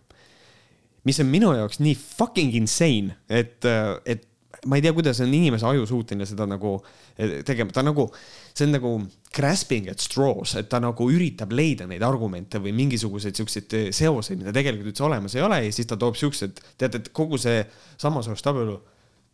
Need on, see on põhimõtteliselt sama, mis koonduslaagrid ütleb sihukest asja, eks ole. ja, ja tegelikult on nagu see, et ta räägib, et elanikkond vananeb, äh, et lapsi ei sünni peale Eh, elanikkonna vananemise vastu tegelikult aitab see, kui meil on majanduslik turvatunne ehk noored tahavad lapsi saada, sest et nad tunnevad, et neil on ressurssi, et lapsi üles kasvatada, sest et väga palju on noortel inimestel majanduslikku ebavõrdsust eh, ja ebakindlust ja nad lihtsalt ei julge sellepärast lapsi saada. ma räägin sellest sajaprotsendiliselt eh, lähtudes omaenda kogemusest. olen rääkinud ka teiste oma tuttavatega, kellel on täpselt sama probleem, et selle asemel, et äh, homoabielusid piirata, võiks pigem tegeleda sellega, kuidas noortel oleks võimalust ja ressurssi lapsi saada. kuule, Noor, aga mis on sinu põhipõhjus, miks sa ei ole lapsi saanud või ei taha lapsi saada, no ma ei tea selle vastust hetkel. Äh, minu põhiline põhjus on ikkagi olnud see, et, äh, et mina tunnen seda, et mul ei ole seda ressurssi, et mul ei ole ähm,, mul ei ole nagu seda, et raha ei ole et see on nagu keeruline ja ma tean seda, hästi palju inimesi ütlevad, et ei noh, mis seal ikka saate hakkama ja kõik see, jaa, aga see ei võta seda hirmu ikkagi ära, et kas ma saan talle pakkuda, ma tahan oma lapsele ju pakkuda kõige paremat ju kogu aeg.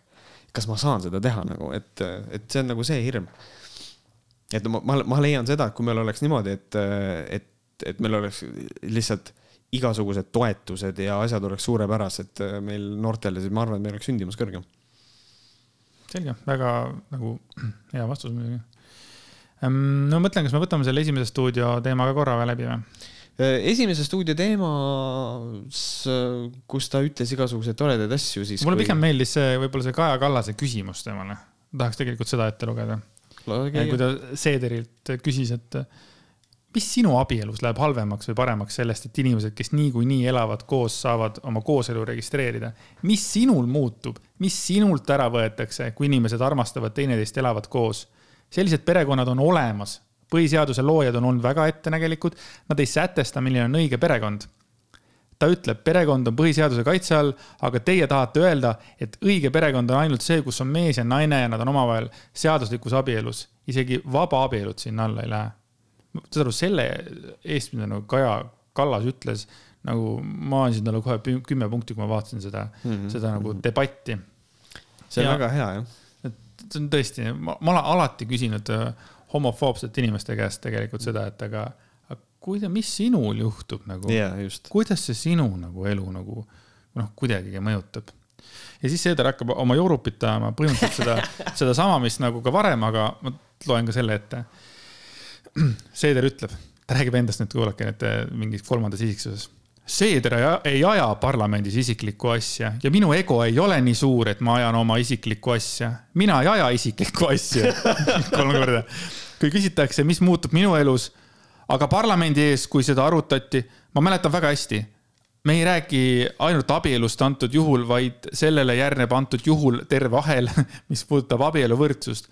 see puudutab ka lapsendamisküsimusi, see puudutab samasooliste lapsendamise küsimusi, mis puudutab ka sündidega manipuleerimist hiljem. Hmm.. täpselt nii, kaks samasoolist ei saa iialgi laps, last. See on äh, küsimus vanemlusest, see on küsimus psühholoogilisest survest ja paljudest muudest teguritest, moraalist ja eetikast, mis tuleb kõik riigis ära reguleerida kui on kaks samasoolist naisterahvast, kes soovivad oma perre lapsendada, siis on vaja lapse, lahendada ka isa küsimus. kas see lahendatakse rahalisel teel, heategevuslikul teel, nii-öelda salaja varjatult, et see ei oleks kellelegi teada, kes on lapse isa. Kõik need asjad tulevad, tulevad reguleerida. me ei räägi ainult samasooliste abielust või perest. kas me oleme ühiskonnana selleks valmis? mine perse, Seeder, sina ei ole selleks valmis. nagu mida nii... vittu sa ajad, kust see tuleb? see on, ma saad aru, ma lähen nii endast välja, kui ma seda loen. ehk siis siin on nagu see, et noh, jällegi ta läheb selle peale, et noh, et siin järgneb terve ahel, on ju.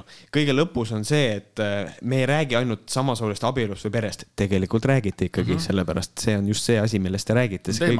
see on see teema, aga äh, kõigepealt ütleb seda, kaks samasoolist ei saa iialgi last, see on faktiliselt vale, saavad küll, meil on olemas eestlased, kuradi, kellel on, kes on samasoolised, samasoolised paarid, kellel on laps, neid on Eestis ka, saavad küll.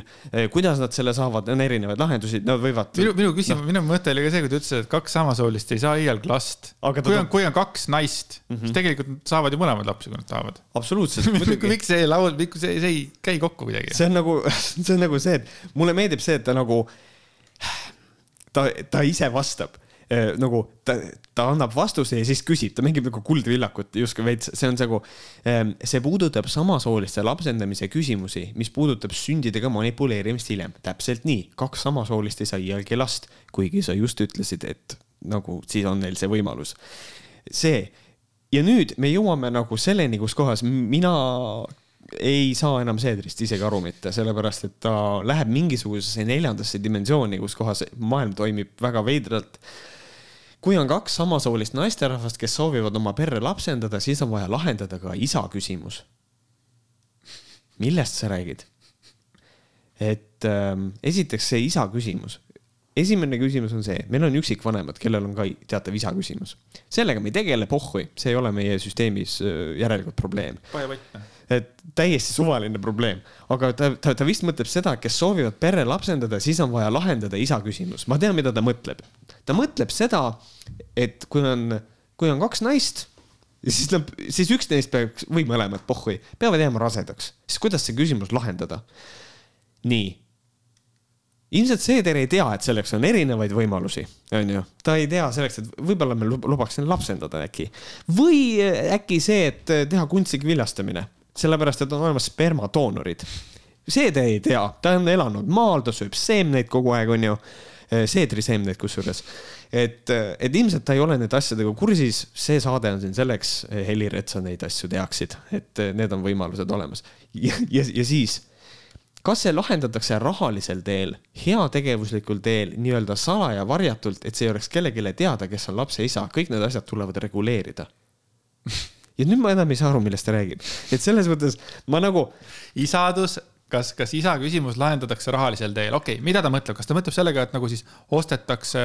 et ostetakse endale nii-öelda siis see spermadoonor või? okei okay,, nii, esimene, esimene on meil lahendatud praegu. teine, heategevuslik teel, kas siis see on see, siis, et keegi paneb nagu siis keegi noh, et põhimõtteliselt sama asi, aga niimoodi, et maksta ei ole vaja. just. põhimõtteliselt. et ole hea, tule pane mulle taha ei, see on ikkagi, me räägime kunstlikust viljatamisest, nüüd me jõuame ah, järgmise punktini. või nii-öelda salaja varjatult see on see, mis ta mõtleb, et meil on ah., meil on samasoolised naised, kes tahavad saada last, aga siis üks magab salaja mehega ja siis äh, keegi ei tea, kes selle lapse isa on. nüüd esiteks mul tekib küsimus, mis see teiste inimeste asi on, kes selle lapse isa on, kui ta kasvab selles peres võib-olla nad ütlevad sellele lapsele, ma arvan, et võiks öelda, et ei jah, tõesti, et eh, sinu bioloogiline isa on see inimene. ma ei tea, kas ma olen nagu, kas ma olen nagu, kas ma olen üleharitud, et mina nagu leian, et siin ei ole probleemi, aga Helir lihtsalt on nii sihuke väike vanamees, kes lihtsalt ei saa aru, siukse tšiaua näoga, nagu ta natukene on. ta lihtsalt ei saa aru, kuidas mingid asjad. ja kõige naljakam on see, et alguses ütleb, et Seeder ei aja parlamendis isiklikku asja ja minu ego ei ole nii suur, et ma ajan oma isiklikku asja, mina ei aja isiklikku asja. aga selles mõttes praegu kuula, ta ju räägib om, omi mõtteid ju. absoluutselt, muidugi räägib. mis, kelle, kelle mõtted ta siis räägib nagu või, või kui ta ei aja om, isiklikku asja, siis ütleme isiklik, mis naljakas on see, et praegu selle esimeses stuudios ka ta ikkagi pidevalt üritas seda rääkida, et ikkagi tegelikult on rahvaküsitlused ja kõik see teema on ikkagi nagu Isamaa nagu noh, teema juba aastal kaks tuhat neliteist ja blablabla, ja nüüd on nii naljakas lihtsalt see, et, et see fucking Helir-Valdor Seeder üritab nagu selle EKRE siis seda asja veits nagu endale kaaperdada, mis oli ka veits minu jaoks naljakas, et nagu, et, et Kaja Kallas läks veits närvi nagu Seedri peale, hakkas Seedri peale karjuma, vaata selle pärast mm. -hmm. ja Martin Helme lihtsalt seisis seal yeah.. noh, tegelikult noh noh, poksikott on kõrval olemas, vaata selles mõttes, et mind ei peksta, aga siin on nagu, millele ma tahan nagu taaskord räägime natukene retoorikas ka, et, et millele ma tahan tähelepanu juhtida. Kaja Kallas küsis väga selgelt, mis sinu elus muutub? ja vastus on see, et ma ei aja isiklikku asja mm. -hmm. see vastus oleks pädenud siis, kui Kaja Kallas oleks e-, teinud etteheite, et Helir-Valdor Seeder ajab mingisugust isiklikku asja ainult. aga Kaja Kallas küsis väga ilusasti, väga hea küsimuse et kuidas see sinu elu isiklikult mõjutab. ja kuna Helir ilmselt sai aru, et kui ta tegelikult sellele küsimusele ausalt vastab, siis see valijale ei meeldi. sest et noh, tegelikult ei mõjuta ja siis ta pidi selle kuidagi keerama nagu mingisuguseks rünnakuks, et umbes ta ajab isiklikku asja ja siis ruttu minema selle peale, et aga mõtle, mis siis saab, siis hakkab bussnuge hakkab taevast sadama ja mingisugune sihuke asi. Sin Cityt ähm, sa oled muidugi näinud, onju. Mhm. esimeses osas oli sihuke tüüp nagu see Yellow Bastard. yeah täpselt nagu Helir-Valdor Seeder lükka Yellow Bastardile natukene seda habemetüügast siia, samamoodi need laiad kõrvad, see nägu, see keha, kõik on nagu, et ta on nagu, siin Yellow Bastard täielik noh.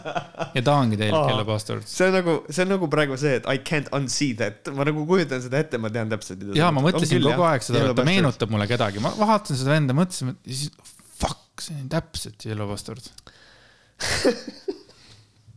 oh, väga hea. et ühesõnaga tänase saate üks põhilisi punkte on see, et Helir-Valdor Seeder on ikkagi nagu rumal mees. ikkagi natukene rumal mees mm,. las ta on ikka puruloll ei, muidugi, võimalik ja see on. Äh, et okei okay,, nüüd on meil Helir-Valdor Seederi isiklikud teemad läbitud võtame ette vaenukõne või mis sa arvad? meie vaenukõne asi, oh, jah, see on see Reformierakonna siis see eelnõu, vaenukõne eelnõu, et see kukkus menetlusest välja, et sellega rohkem ei tegeleta. ja ma olen natukene jälle pahuksis iseendaga.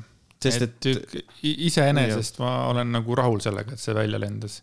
et eelnõu tagasilükkamise poolt hääletas viiskümmend ja vastu kolmkümmend üheksa Riigikogu saadikut mm. -hmm Äh, just pigem võib-olla natuke sellepärast, mida me ise siin teeme mm -hmm.. okei okay,, ma saan aru, jah, et. Äh, puhtalt ainult sellepärast, tunnistan ausalt, kui mul Võhkareid või mingit podcast'i oleks, siis ma ütlen, võtke kõik need vihakõned vastu, mul on jumala suva, vaata mm. -hmm. aga kuidas nagu tõlgendatakse iga, ma ei tea, meie mõtet, noh, mitte et kedagi kotiks nagu selles mõttes mingeid suuri inimesi kotiks meie mõtted, but still, you know. ma saan sellest nagu, no nagu aru, aga me nagu jah eh see on noh, nagu Priit Pullerits ka siin äh, andis oma kommentaari selle teemal, ma natuke seoks selle vastuse või oma seisukoha sellega ära, et, äh, et kusjuures, et ta ütles seda, et et noh, et ajakirjandus on nagu vait selle asja pealt olnud, et nad ei ole sellest rääkinud, kuigi tegemist on sõnavabaduse piiramisega, eks ole. ja siin ongi nagu tegelikult see, et ma tunnen äh, ise siin seda, et meie ei tegele tegelikult sellega, et me õhutame otsest nagu vaenu kellegi vastu, vähemalt mina ise seda tunnen. ma, me oleme lihtsalt superkriitilised mingisuguste inimeste, mingisuguste ideede suhtes. aga selles mõttes, kui keegi kuulab meie saadet, ütleb ei, aga minu arust Helir-Valdor Seeder räägib õiget juttu, mis noh, mind üllataks väga.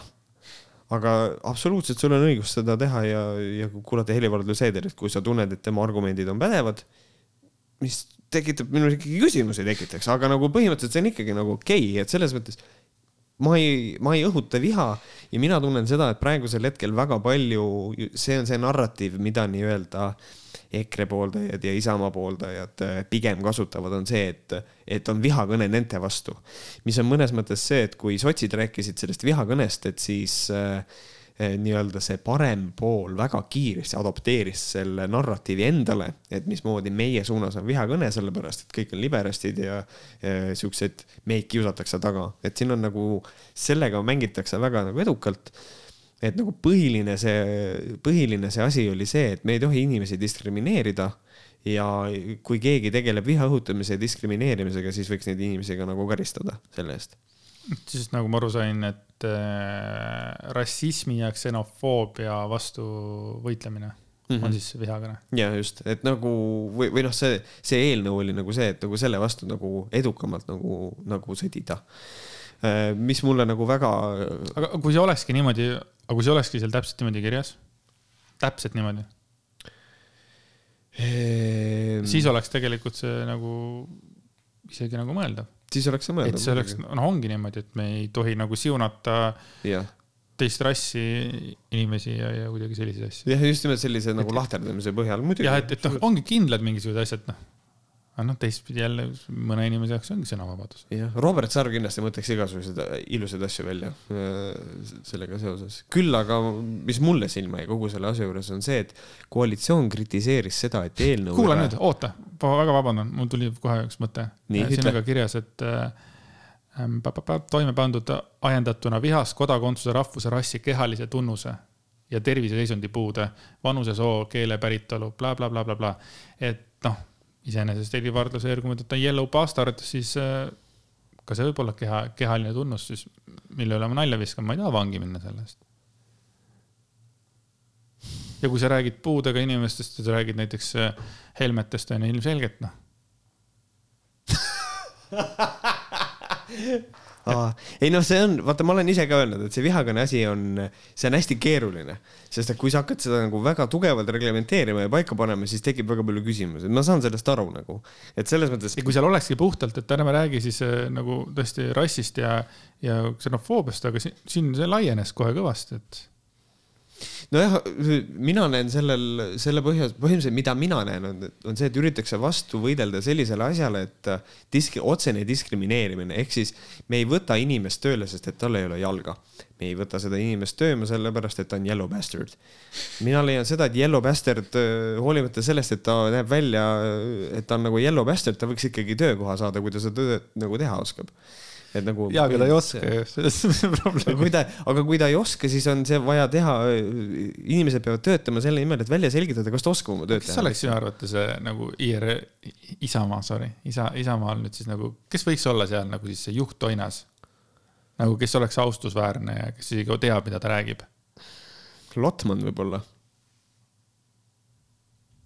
äkki Lotman, sest võib-olla see on, võib-olla tema on niisugune aga ma kujutan ette, ta oleks koosoleku juhina hästi äh, sihuke uimane võib-olla see oleks probleem. aga ühesõnaga, mida ma tahtsin enne öelda, on see, et koalitsioon kritiseeris seda, et eelnõu üle arutatakse keset koroonakriisi, mil on pakilisemaid teemasid, äh, mille üle peaks parlament otsustama. ja ma olen nagu üsna veendunud, et see peab olema mingisugune trollimine. sellepärast, et kui nagu parlament tegeleb meil koroonakriisi ajal sellega, et kes abielluda võivad, siis minu arust see peab olema troll, nad ei saa seda asja tõsiselt öelda ma vaatasin sama asja, et nagu, et koalitsioon kritiseeris seda. Te olete mingi kuradi, ma ei tea, mitu kuud see jant on käinud, see jutustamine, et see oli ka vist, äkki oli Kaja Kallas ütles selle kohta, et see on ka nagu veider, et, et kui see Jüri Ratas siin mingit nagu ideid jagas seal kuskil seal Riigikogus, siis ta rääkis nagu kõigest muust ja siis koroonakriisini ei jõutudki ühel päeval mm. -hmm. et järgmine päev alles puudutati seda yeah. nagu, mida? Et nagu me räägime terve aeg sellega, kes võib abielluda, kes ei või, onju.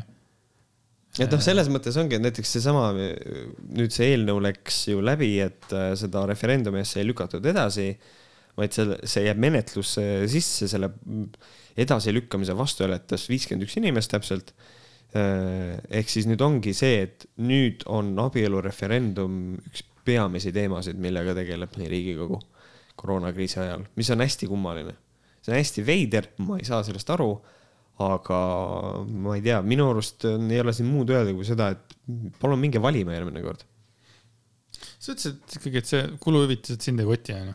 mitte eriti, jah mm. -hmm aga step by step nagu see raha kokku panna, siis see on ikkagi päris suur ja kui jälle öeldi, et mingisugune Ida-Virumaa saab mingisugune kaks miljonit toetust praegu mm. noh, ainult kaks miljonit toetust, kuna nende fucking eh, noh, see kogu see maa-ala on põhimõtteliselt kinni pandud mm, -hmm. eks mhm. ole noh, kaks miljonit on selles niivõrd mõttes..., selles mõttes selle koha pealt väga väike raha, aga kaks miljonit kulutada sinna, viissada tuhat sinna, kuluhüvitisi, nalja teete või? ma nagu igaks juhuks äh, käiks üle oma, oma mõtte, et mina ei hoia mitte ühegi poliitiku poolt või vastu seda, kui palju ta kuluhüvitisi kasutab. Okay.. minu sel nagu poliitik ei ole selles süüdi, et ta võib seda teha et mina leian seda, et kuluhüvitised kui iseenesest asi on asjad minu arust, mis tuleks üle vaadata, need summad, mida nad võivad kulutada. seda, sellega ma olen nõus aga lihtsalt nende praeguste, nii palju, kui neil on kuluhüvitisi, seda raha, mida nad võivad kasutada, siis selles, selles kontekstis ei ole poliitik süüdi selles, kui palju ta neid kulutab või kui vähe minu arvates võiks keegi teha rahvaküsitluse sellest, et kas me, kas rahvas soovib, et on olemas katuserahad ja kuluhüvitised. See on nagu päris hea asi. sa suutsid küsida. praegu välja mõelda referendumi, mis on palju targem kui see, mida siin korraldada üritatakse. väga, väga hea, see on väga hea küsimus, et kuidas, kas katuserahad jah või ei ja sama asi siis kuluhüvitistega. kuluhüvitised lendaks kohe nahku, selles mõttes, kui oleks kuluhüvitised, kohe läinud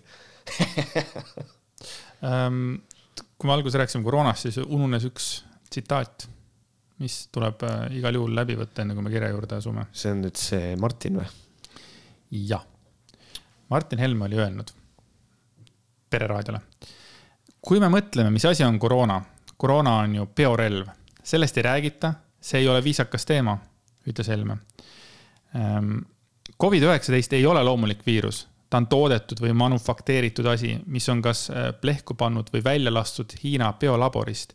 Hiina pärast seda, kui viirus liikvele läks, oma riigi pani kinni, aga välisreisid jättis lahti Wuhanist.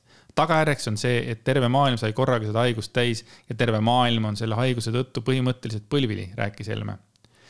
seepärast arvab rahandusminister, et selgelt Äh, on toimunud Hiina bioloogiline rünnak, mille eest pole keegi mingit vastutust võtnud. kui nüüd sellele tegelikult mingit vastureaktsiooni ei järgne, siis me kõik teame, kui, et kui halba tegevust ei karista, siis saad halba tegevust juurde. kui mingit tegevust motiveerid või kiidad, siis saad seda tegevust juurde, lisas Helme.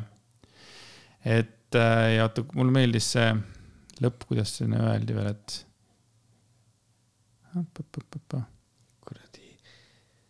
biorelva juttu, ma ei saa sellest aru, mul on nagu see ah,. see on see, sorry, kus Martin Helme oma teadmised on ammutanud, saatest kahjuks ei selgunud. konspiratsiooniteooriad viiruse inimtekkelise olemuse kohta on levinud alates pandeemia puhkemisest. mingeid tõendeid seni esitatud ei ole. noh jah, siin on, siin on see, et äh, mis on siinsamas artiklis ka välja töötud, et kui keegi teeb biorelva, siis milleks selline hädine biorelv, võtnud siis juba MERS-CoV valuseks Eh, mis on see, et MERS-i suremus on kolmkümmend protsenti, siis praegusel hetkel meil selle koroonaviiruse puhul selline üldine vist on, jääb sinna, mis ta on, kahe kanti vist või? suremus või? suremus jah, põhimõtteliselt see on muidugi closed cases vist, et, et ühesõnaga, et ta on ikkagi selle noh, et võrreldes sellega, et öelda, et see on biorelv, see on nii loll, see on erakordselt nagu rumal just nimelt sellepärast, et kuidas see Hiinale kasulik on, sest et Hiina pidid kõik oma tootmise kinni panema vahepeal selle jaoks. et ma ei saa sellest aru, siis point on selles, et ta on, ta on natukene, siiski ta on, ta on natukene liiga nakkav, et olla biorelv ja ta on just nimelt hädine, ta ei tapa piisavalt palju, et olla päris biorelv. et selles mõttes see on hästi, hästi kummaline. Martin Helme on vajunud kuhugile sinna vandenõuteooriatesse, seda me oleme märganud juba ka varem ja esimeses mm. stuudios, kui Priit Kuusk äh, küsis selle Martin Helme käest, et viimane küsimus siis, Martin, enne kui lõpetame, kes võitis Ameerika valimiste, valimised, presidendivalimised? Martin Helme ütles, no ootame ikka, ma ei tea, tulemused ära yeah.. ta ütles seda eile ta ütles seda, eile seda. kõik on nagu, kõik teavad, kes võitis presidendi valimised ka noh, ja, ja ikka veel. jah, nagu pluss, äh, pluss äh, Trumpi äh, siuksed tähtsad inimesed Trumpi kabinetis on öelnud, et the electoral college has spoken, mis on see, et Biden on pannud valimised kinni. William Barr ütles seda, et kes on põhimõtteliselt tegu on fašistiga nagu, kes oli väga pooldas Trumpi, ütles, et puuduvad tõendid valimispettuse kohta. ja guess what, ta, ta enam ei ole oma töökohal ka. William, William Barr läks töölt ära nagu. Et põhimõtteliselt Trump on valimised kaotanud, seda seisuga kindlasti kaugem kui eile aga selles mõttes Martin Helme on, ma arvan, et Martin ka sööb neid samu seemneid, mida Seeder aga Seeder kuidagi, talle mõjuvad need nagu teistmoodi mm,. ärme unusta ära, et see on siiski Eesti kõige mõjukam inimene. saad aru, saad aru, kui mannetu on siis nagu ma ei tea, Eesti, Eesti mõistus või, või mis, mis, mis asi see võib olla nagu? nojah, aga selles kolmas mõttes... oli Mart Helme muide. kui esimene oli Martin Helme mõjukusest, siis teine oli see Popov Popov või Popov, Popov., Arkadi Popov. Arkadi Popov jah, et aga noh, siin on ka see, et ka loll inimene võib olla mõjukas, et selles mõttes. Kui... ei no selles küll jah, Donald Trump oli ka arvatavasti mm, -hmm. ma ei tea, aasta aega tagasi veel maailma mõjukaim inimene, sest et, et Ameerika president on alati kõige mõjukam. jah, no seal on nagu see asi, et noh, tegelikult äh, kui sa paned, äh, kui sa paned hästi lolli inimese autorooli, siis ikkagi tema sõidab selle autoga, et noh, siis on, ta on nagu selles kontekstis mõjukam sihuke kuradi, sihuke kuradi karm asi. True, nii, teemad on seekord siis äh, läbi võetud. ma arvan, et asume selle kirja ettelugemisele. just, me saime nimelt ühe kirja siis, äh, see on kiri, millest me tegelikult oleme juba rääkinud, aga me ei lugenud seda ette, sest et see on väga pikk, aga me küsisime, kas tahetakse, et ette loetakse ja saime loa see ette lugeda, see on suhteliselt pikk kiri. kas teeme mingite niimoodi, et äh, loeme ja siis kas kommenteerime ja siis loeb vahepeal teine või, või sa tahad võtta kõik kirja? Ehm, ma hakkan seda kirja ette lugema ja kui sul on kommentaarid, siis äh, suuska vahele mm. -hmm. kas sulle sobib sihuke lahendus? see on nüüd niisugune pikem kiri, aga, aga väärib ettelugemist küll. tere, Võhkarid aitäh naerutava ja samal ajal väga informatiivse taskuhäälingu eest. mu kursavend mainis teid mööda minnes umbes kuu aega tagasi seoses teie kümnenda osa ja meie omavahelist vestlust puudutava teemaga. jäin kohe pärast esimest kuulamist sõltuvusse ja sari kuulasin kõik osad nädalal, mil Reps tagasi astus. seega sain tunda ootusärevust üheteistkümnenda osa suhtes enamik teie vestlustest on avardanud mu silmaringi ja šokeerinud väga olulisel määral ja olen tänulik, et teete minu eest ära kokkuvõtted ja jagate soovitusi nii lugemiseks kui ka vaatamiseks. olen sotsiaal- ja muu avaliku meedia sõelumisest väga väsinud.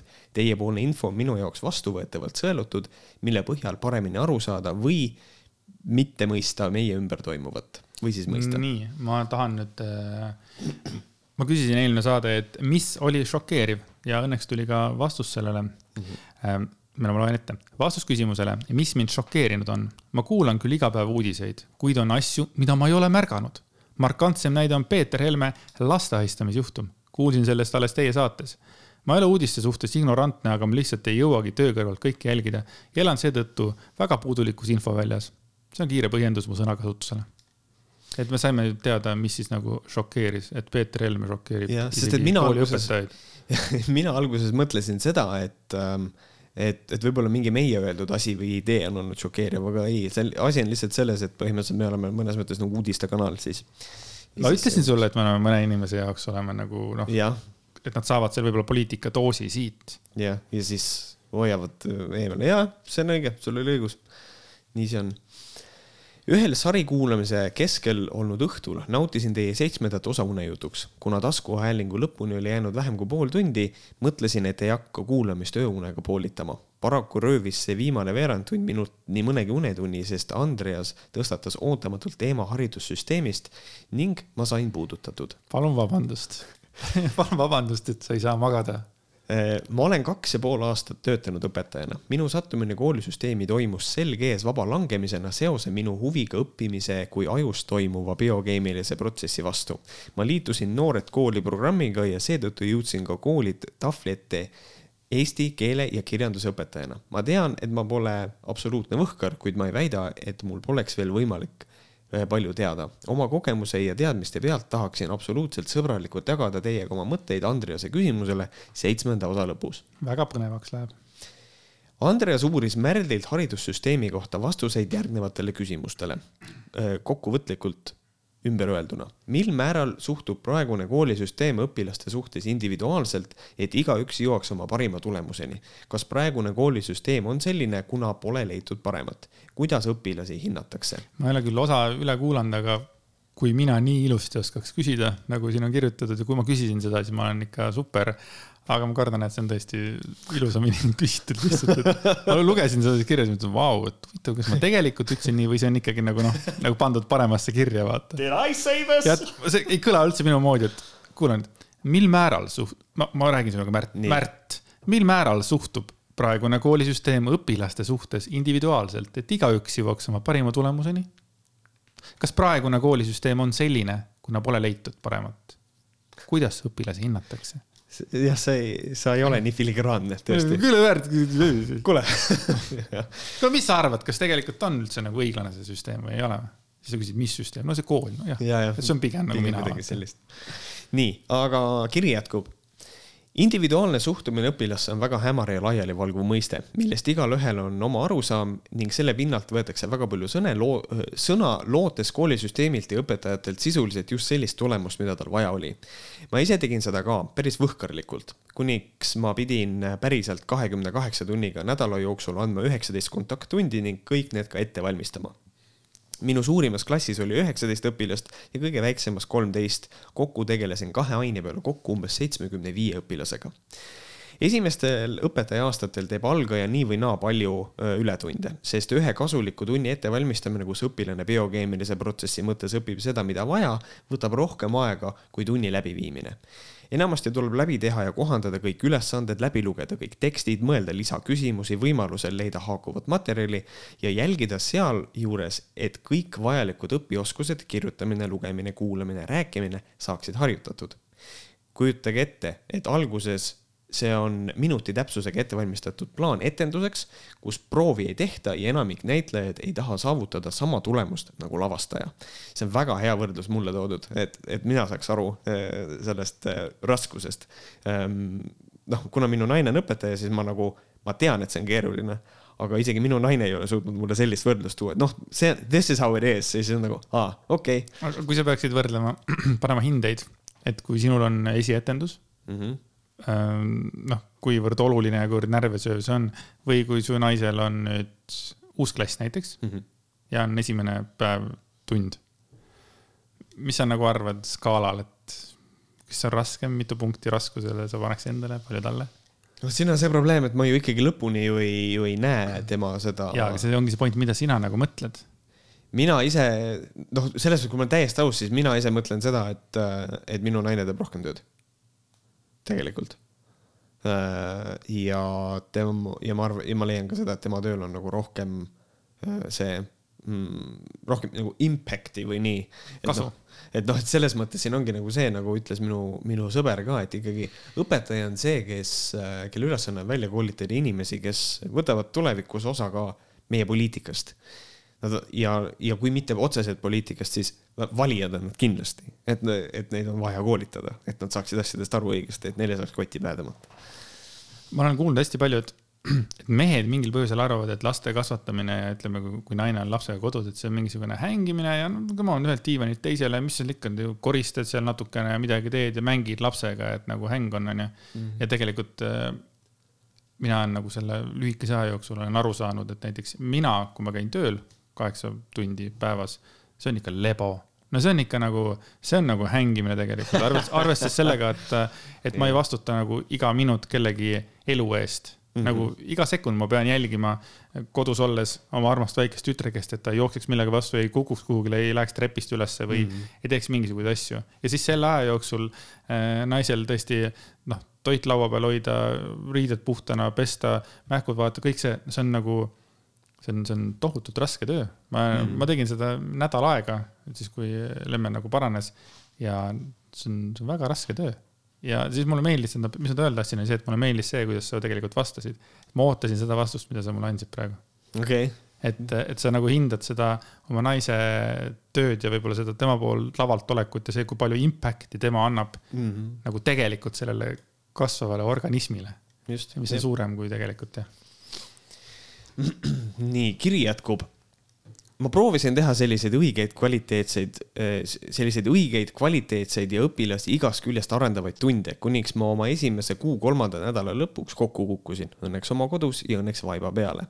pääsesin vaid marrastustega nüüd, kui mul kolmandal õpetaja aastal on ülesanded tuttavad ning teatav pagas kogutud, piisab sellest ametlikust kolmekümne viiest töötunnist nädalas ainult kergeks aine edasiandmiseks klassikomplekti keskmist tulemust arvestades.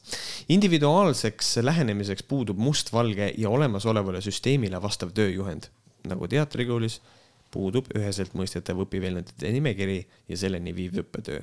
see, kuidas läheneda individuaalselt, jääb iga õpetaja enda nuputada ja kogu ülejäänud ühiskonna nõuda. see on hästi hea point, on see, et kui räägitakse individuaalsest õppekavast, siis kõik teavad, kõik, kõik teavad, kuidas see asi käib, aga aga, aga nagu õpetaja kui selline, et tema jaoks on see nagu väga keeruline, et just nimelt see, et kogu ühiskonna nõude on see, kuidas see käib, see on väga tore point.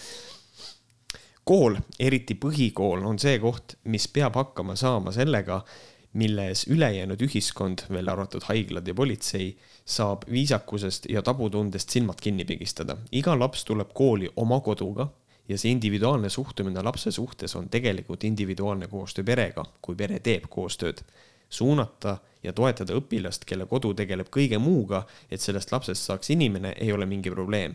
kui kõik õpilased oleksid töökad ja pingutaksid, siis paistaks see individuaalne lähenemine välja. kui õpilane ei õpi ja kodu pigistab silma kinni või veel hullem, töötab koolile vastu, ei ole võimalik ühtki õpilast tegelikult päästa ja needsamad, keda nähakse koolisüsteemi ohvrina, on tegelikult oma vanemate valikute ohvrid. Kõik, keda koolisüsteem saab päästa, ongi päästetud see on, see on natukene noh, sarnane sellega, et sa ei saa aidata inimest, kes ei taha, et teda aidatakse. et, et, et noh, siin ongi jällegi noh, on, on olnud ka nagu minu abikaasal kokkupuuteid, kus kohas no vanemad lihtsalt töötavad koolile vastu. jah, ma mõtlen jällegi sellega, et kui õpilane ei õpi mm, -hmm. et nagu kas, kas, kas õpilast ei oleks võimalik nagu võib-olla suunata ja võib-olla siis tähele panna tema neid, ma ei tea, plusse või neid asju nagu kuhu poole teda nagu liigutada õiges suunas. ma, ma võib-olla olen nagu mõelnud selle peale, ma saan, ma kohe nüüd nagu ütlen enda küsimusele vastuse, et jah, ma saan aru, et me räägimegi, et seitsekümmend viis last on päevas vaja õpetada mm., et ma nagu tegelikult saan aru. aga ikkagi mul on niisugune väike küsimus, et noh, et kui ongi, et kui, kui jah, et nagu see, võib-olla see väike hing ära päästa, kes ei ole veel jõudnud sellele tasemele, kus jah, aga kui tal ei ole mitte ühegi külje peal seda motivatsiooni ja tõesti õpetaja ei jõua sellega tegeleda, siis noh, lihtsalt ta kukubki sõrmede vahelt ilmselt läbi lõpuks, et, et kui kodu ei tegele sellega, õpilane ei tegele sellega, et siis ongi ilmselt probleem huvitaval kombel ei nähta individuaalset lähenemist selles, kui õpilaste käitumisel pööratakse tähelepanu, kiitused ja märkused. talle antakse võimalus oma puudulikke või tegemata töid või arusaamatuks jäänud teemasid tulla konsultatsioonitundi lahendama. õpetajad täidavad vajadusel vestluskaarte, klassijuhatajad teevad arenguvestluseid, mille tarvis küsivad kõigilt aineõpetajad infolt selle eh, infot ja mille jaoks aineõpetajad mõtlevad, eh, mida oleks kõige olulisem mainida. õpetajad kirjutavad töödele kirjalikult milles õpilane peab oma teadmisi parandama, mida harjutama, panevad hindeid, kas see kõik juba polegi mingis mõttes individuaalne. psühholoog saab tunnis inimestega tegelemise eest vähemalt viiskümmend eurot. ta tegeleb ühe inimesega tund aega korra või kaks korda kuus, olenevalt. tal on võimalus keskenduda ja arendada selle ühe inimese või pere või paari arengut. kas õpetajalt oodatakse sama, sarnast tulemust? kui ruumis on rohkem kui kolm inimest ja seda vahel vaid neljakümne viie minuti jooksul korra nädalas. see tähendab, et sisuliselt väiksemas klassis kuni viisteist inimest, õpetajal ühe õpilase jaoks on aega kuni kolm minutit. kui klassis, kui klass on suur, kolmkümmend kuus inimest, siis on hästi, kui iga õpilane saab minuti nädalas. päevas on psühholoogil kuni kuus seanssi, õpetajatel võib olla lausa kaheksa tundi, millest igaühes kohtuvad nad kuus ja rohkem kordi suurema are, arendatavate hulgaga õpetajatel on kindlasti teadmisi, kuidas üks või teine õpilane saaks paremaks, aga selleks tuleb võtta eraldi aeg ja keskenduda ühele inimesele. seda tehakse tavaliselt trimestri või veerandi lõpus. kui on vaja hinnata käitumist ja hoolsust, eh, riiklikult puudub selleks detailne juhis, eh, on üleüldine mõnest lausest koosnev suunis, millest, eh, millist hinnet õpilasele panna õpetajal on võimalus käitumist ja hoolsust märkiva tähe taha kirjutada ka kommentaar, mille eest vastav hinnang on pandud ning millised täidesaatvad oskused õpilasel on omandatud ja mis vajab veel arendamist. lisaks sellele tuleb see kõik sõnastada neutraalses ja hinnanguvabas keeles ning see tuleb heal juhul teha trimestri lõpu nädala algusest, sest oleks ju tobe panna keset trimestrit välja hinnang Eh, kui periood pole veel lõppenud. kui mul nüüdseks õnnestub tavanädalatel ületunde vältida, siis sellel nädalal on ületunnid vältimatud.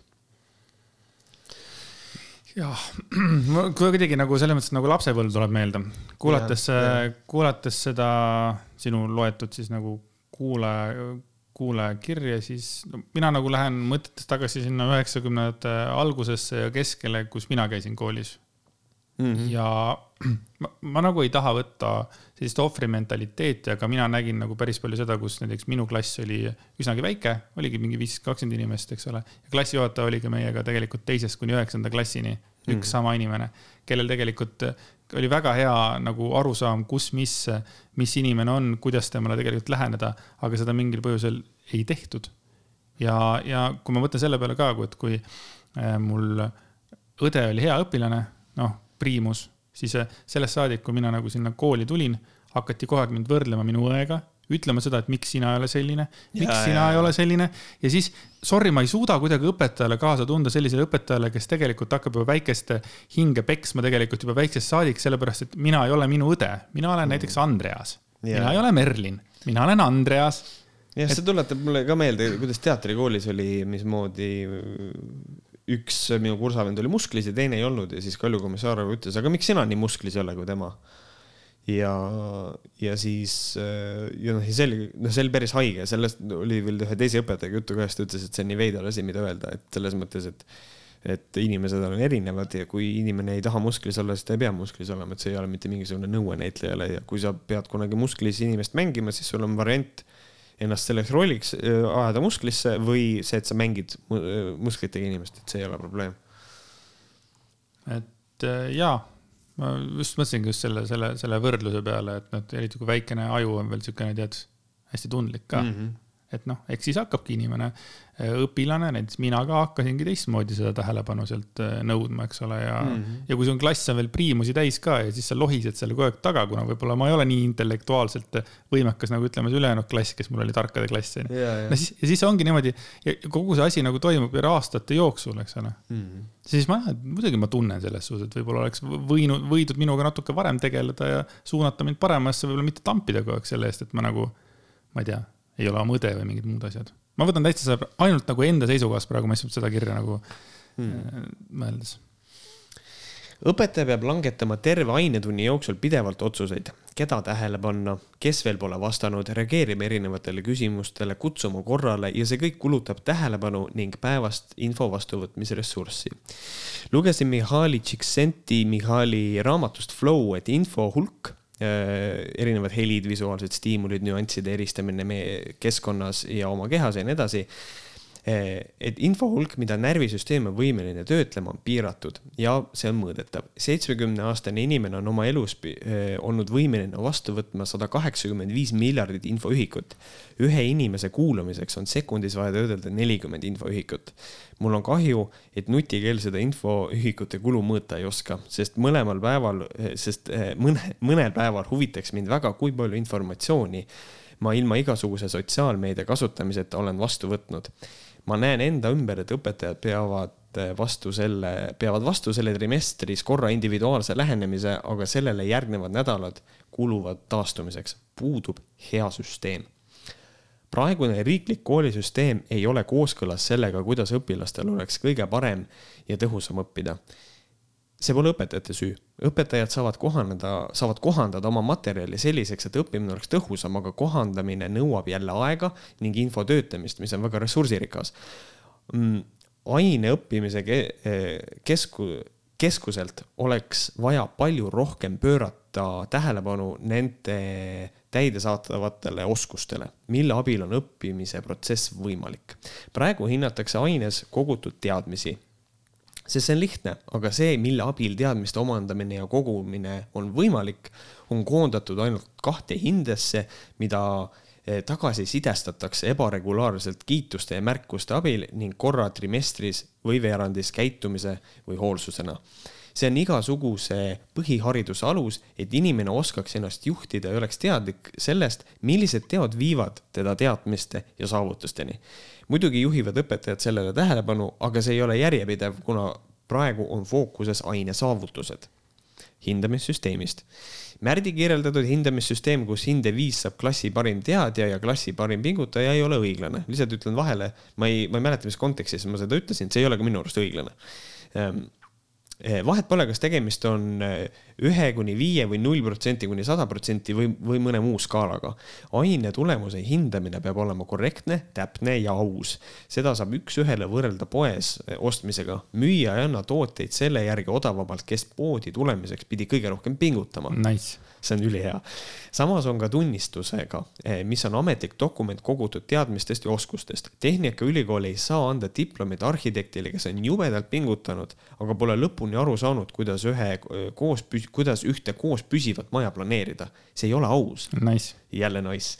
põhikoolis tajutakse madalat hinnet äh, õpilast äh, demotiveerima nähtusena see on hästi oluline point, et, et siis ühesõnaga kordame selle üle, põhikoolis madal hinne on demotiveeriv, seda nagu nähakse niimoodi. mis ongi nagu see, et kui põhikoolis on see, et lähed, lähed koju, saad sita hinde ja siis saad kodus võib-olla sõimata korra ja see what the fuck, mis mõttes.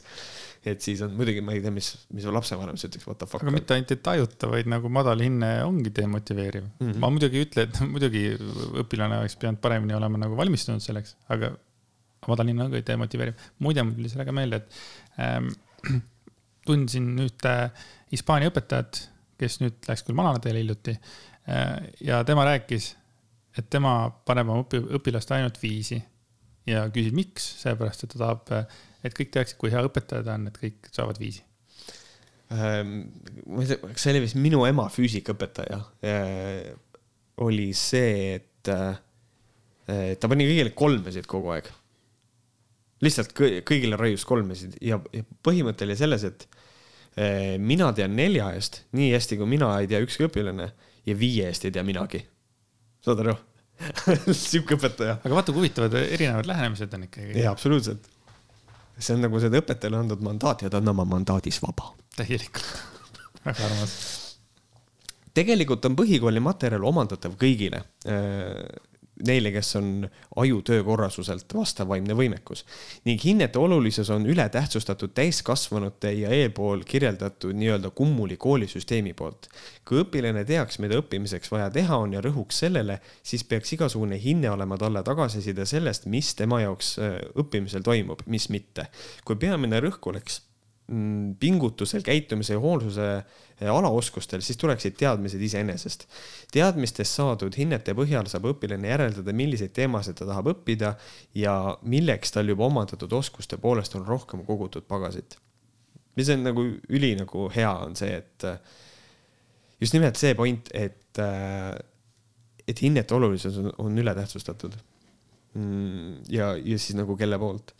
ma palun väga vabandust et see kiri nii pikk tuli. tegelikult tahtsin ma sellest teemast eh, lähtuvalt kommenteerida ka üheteistkümnenda osa teatrikooli õppeküsimust, sest teatrikoolide süsteem vaevleb Eestis eh, Maria Liive näitel tegelikult täpselt samamoodi eh, selgete õpiväljundite puudumises. et õpiväljund oleks selge, oleks vaja teha dokument, kus on täpselt ja mustvalgelt kõigile üheselt arusaadavalt sõnastatud, millal inimene näitleb ja millal mitte. õpetamine just seda eeldabki, et õpetajale on on aru saada, kuhu tema õpilane täpselt välja jõudma peab ja sellest lähtuvalt analüüsima, kus õpilane hetkel on ning leidma protsessid, kuidas õpilane eesmärgini viia. lisaks peab ta õpilasele selgelt väljendama, miks ja mida viimane tegema peab kui te olete siiamaani välja jõudnud, siis olen tänulik, et jaksasite minu seisukoha läbi töödelda. ma tean, et see nõudis teilt palju infoühikuid. Eh, ma tahtsin teiega lihtsalt jagada oma seniseid teadmisi ning hüpoteese, nagu te jagate enda omi. ma ei arva, et te peaksite selles valguses enda mõtetes midagi muutma ega kritiseeri ka teie saadet sugugi. kui juhtub, et midagi jäi segaseks, ma tõesti üritasin selgelt seletada ja teil jääb selgusetuses midagi kripeldama, siis kindlasti vastan küsimustele. aitäh, naudin teie saadet väga ja siis äh, PS on siin all äh, kümme kümnes, kuidas põhjendasite sõna episood kasutamist. head, Kirsti. ja aitäh Kirstile, aitäh Märdile selle kirja ettelugemise eest. väga ilus oli. ja sellised argumenteeritud kirjad on meile väga teretulnud, tegelikult on kõik kirjad meile teretulnud jah, isegi kui, isegi Helir, isegi kui sina tahad meile kirjutada, siis see on okei okay., aga las äh, sul loeb ema kõigepealt selle kirja üle, et sul ei oleks kirjavigu. Heliril on ka, on ju, kindlasti mingi nõunik või? kindlasti on. ma arvan, et tal on logopeed, ma arvan, et tal on mähkmete vahetaja, võttes arvesse seda, milline inimene ta on ja, ja keegi, kes tal, talle teeb krimmi, et ta ei oleks nii kollane ilubastard. Meie email on võhkarid.gmail.com, õ asemel on kuus, tõmmake meilid peale ja arutame ka teie kirja üle järgmine kord juba. absoluutselt. jah, olge tublid. tšau. tšau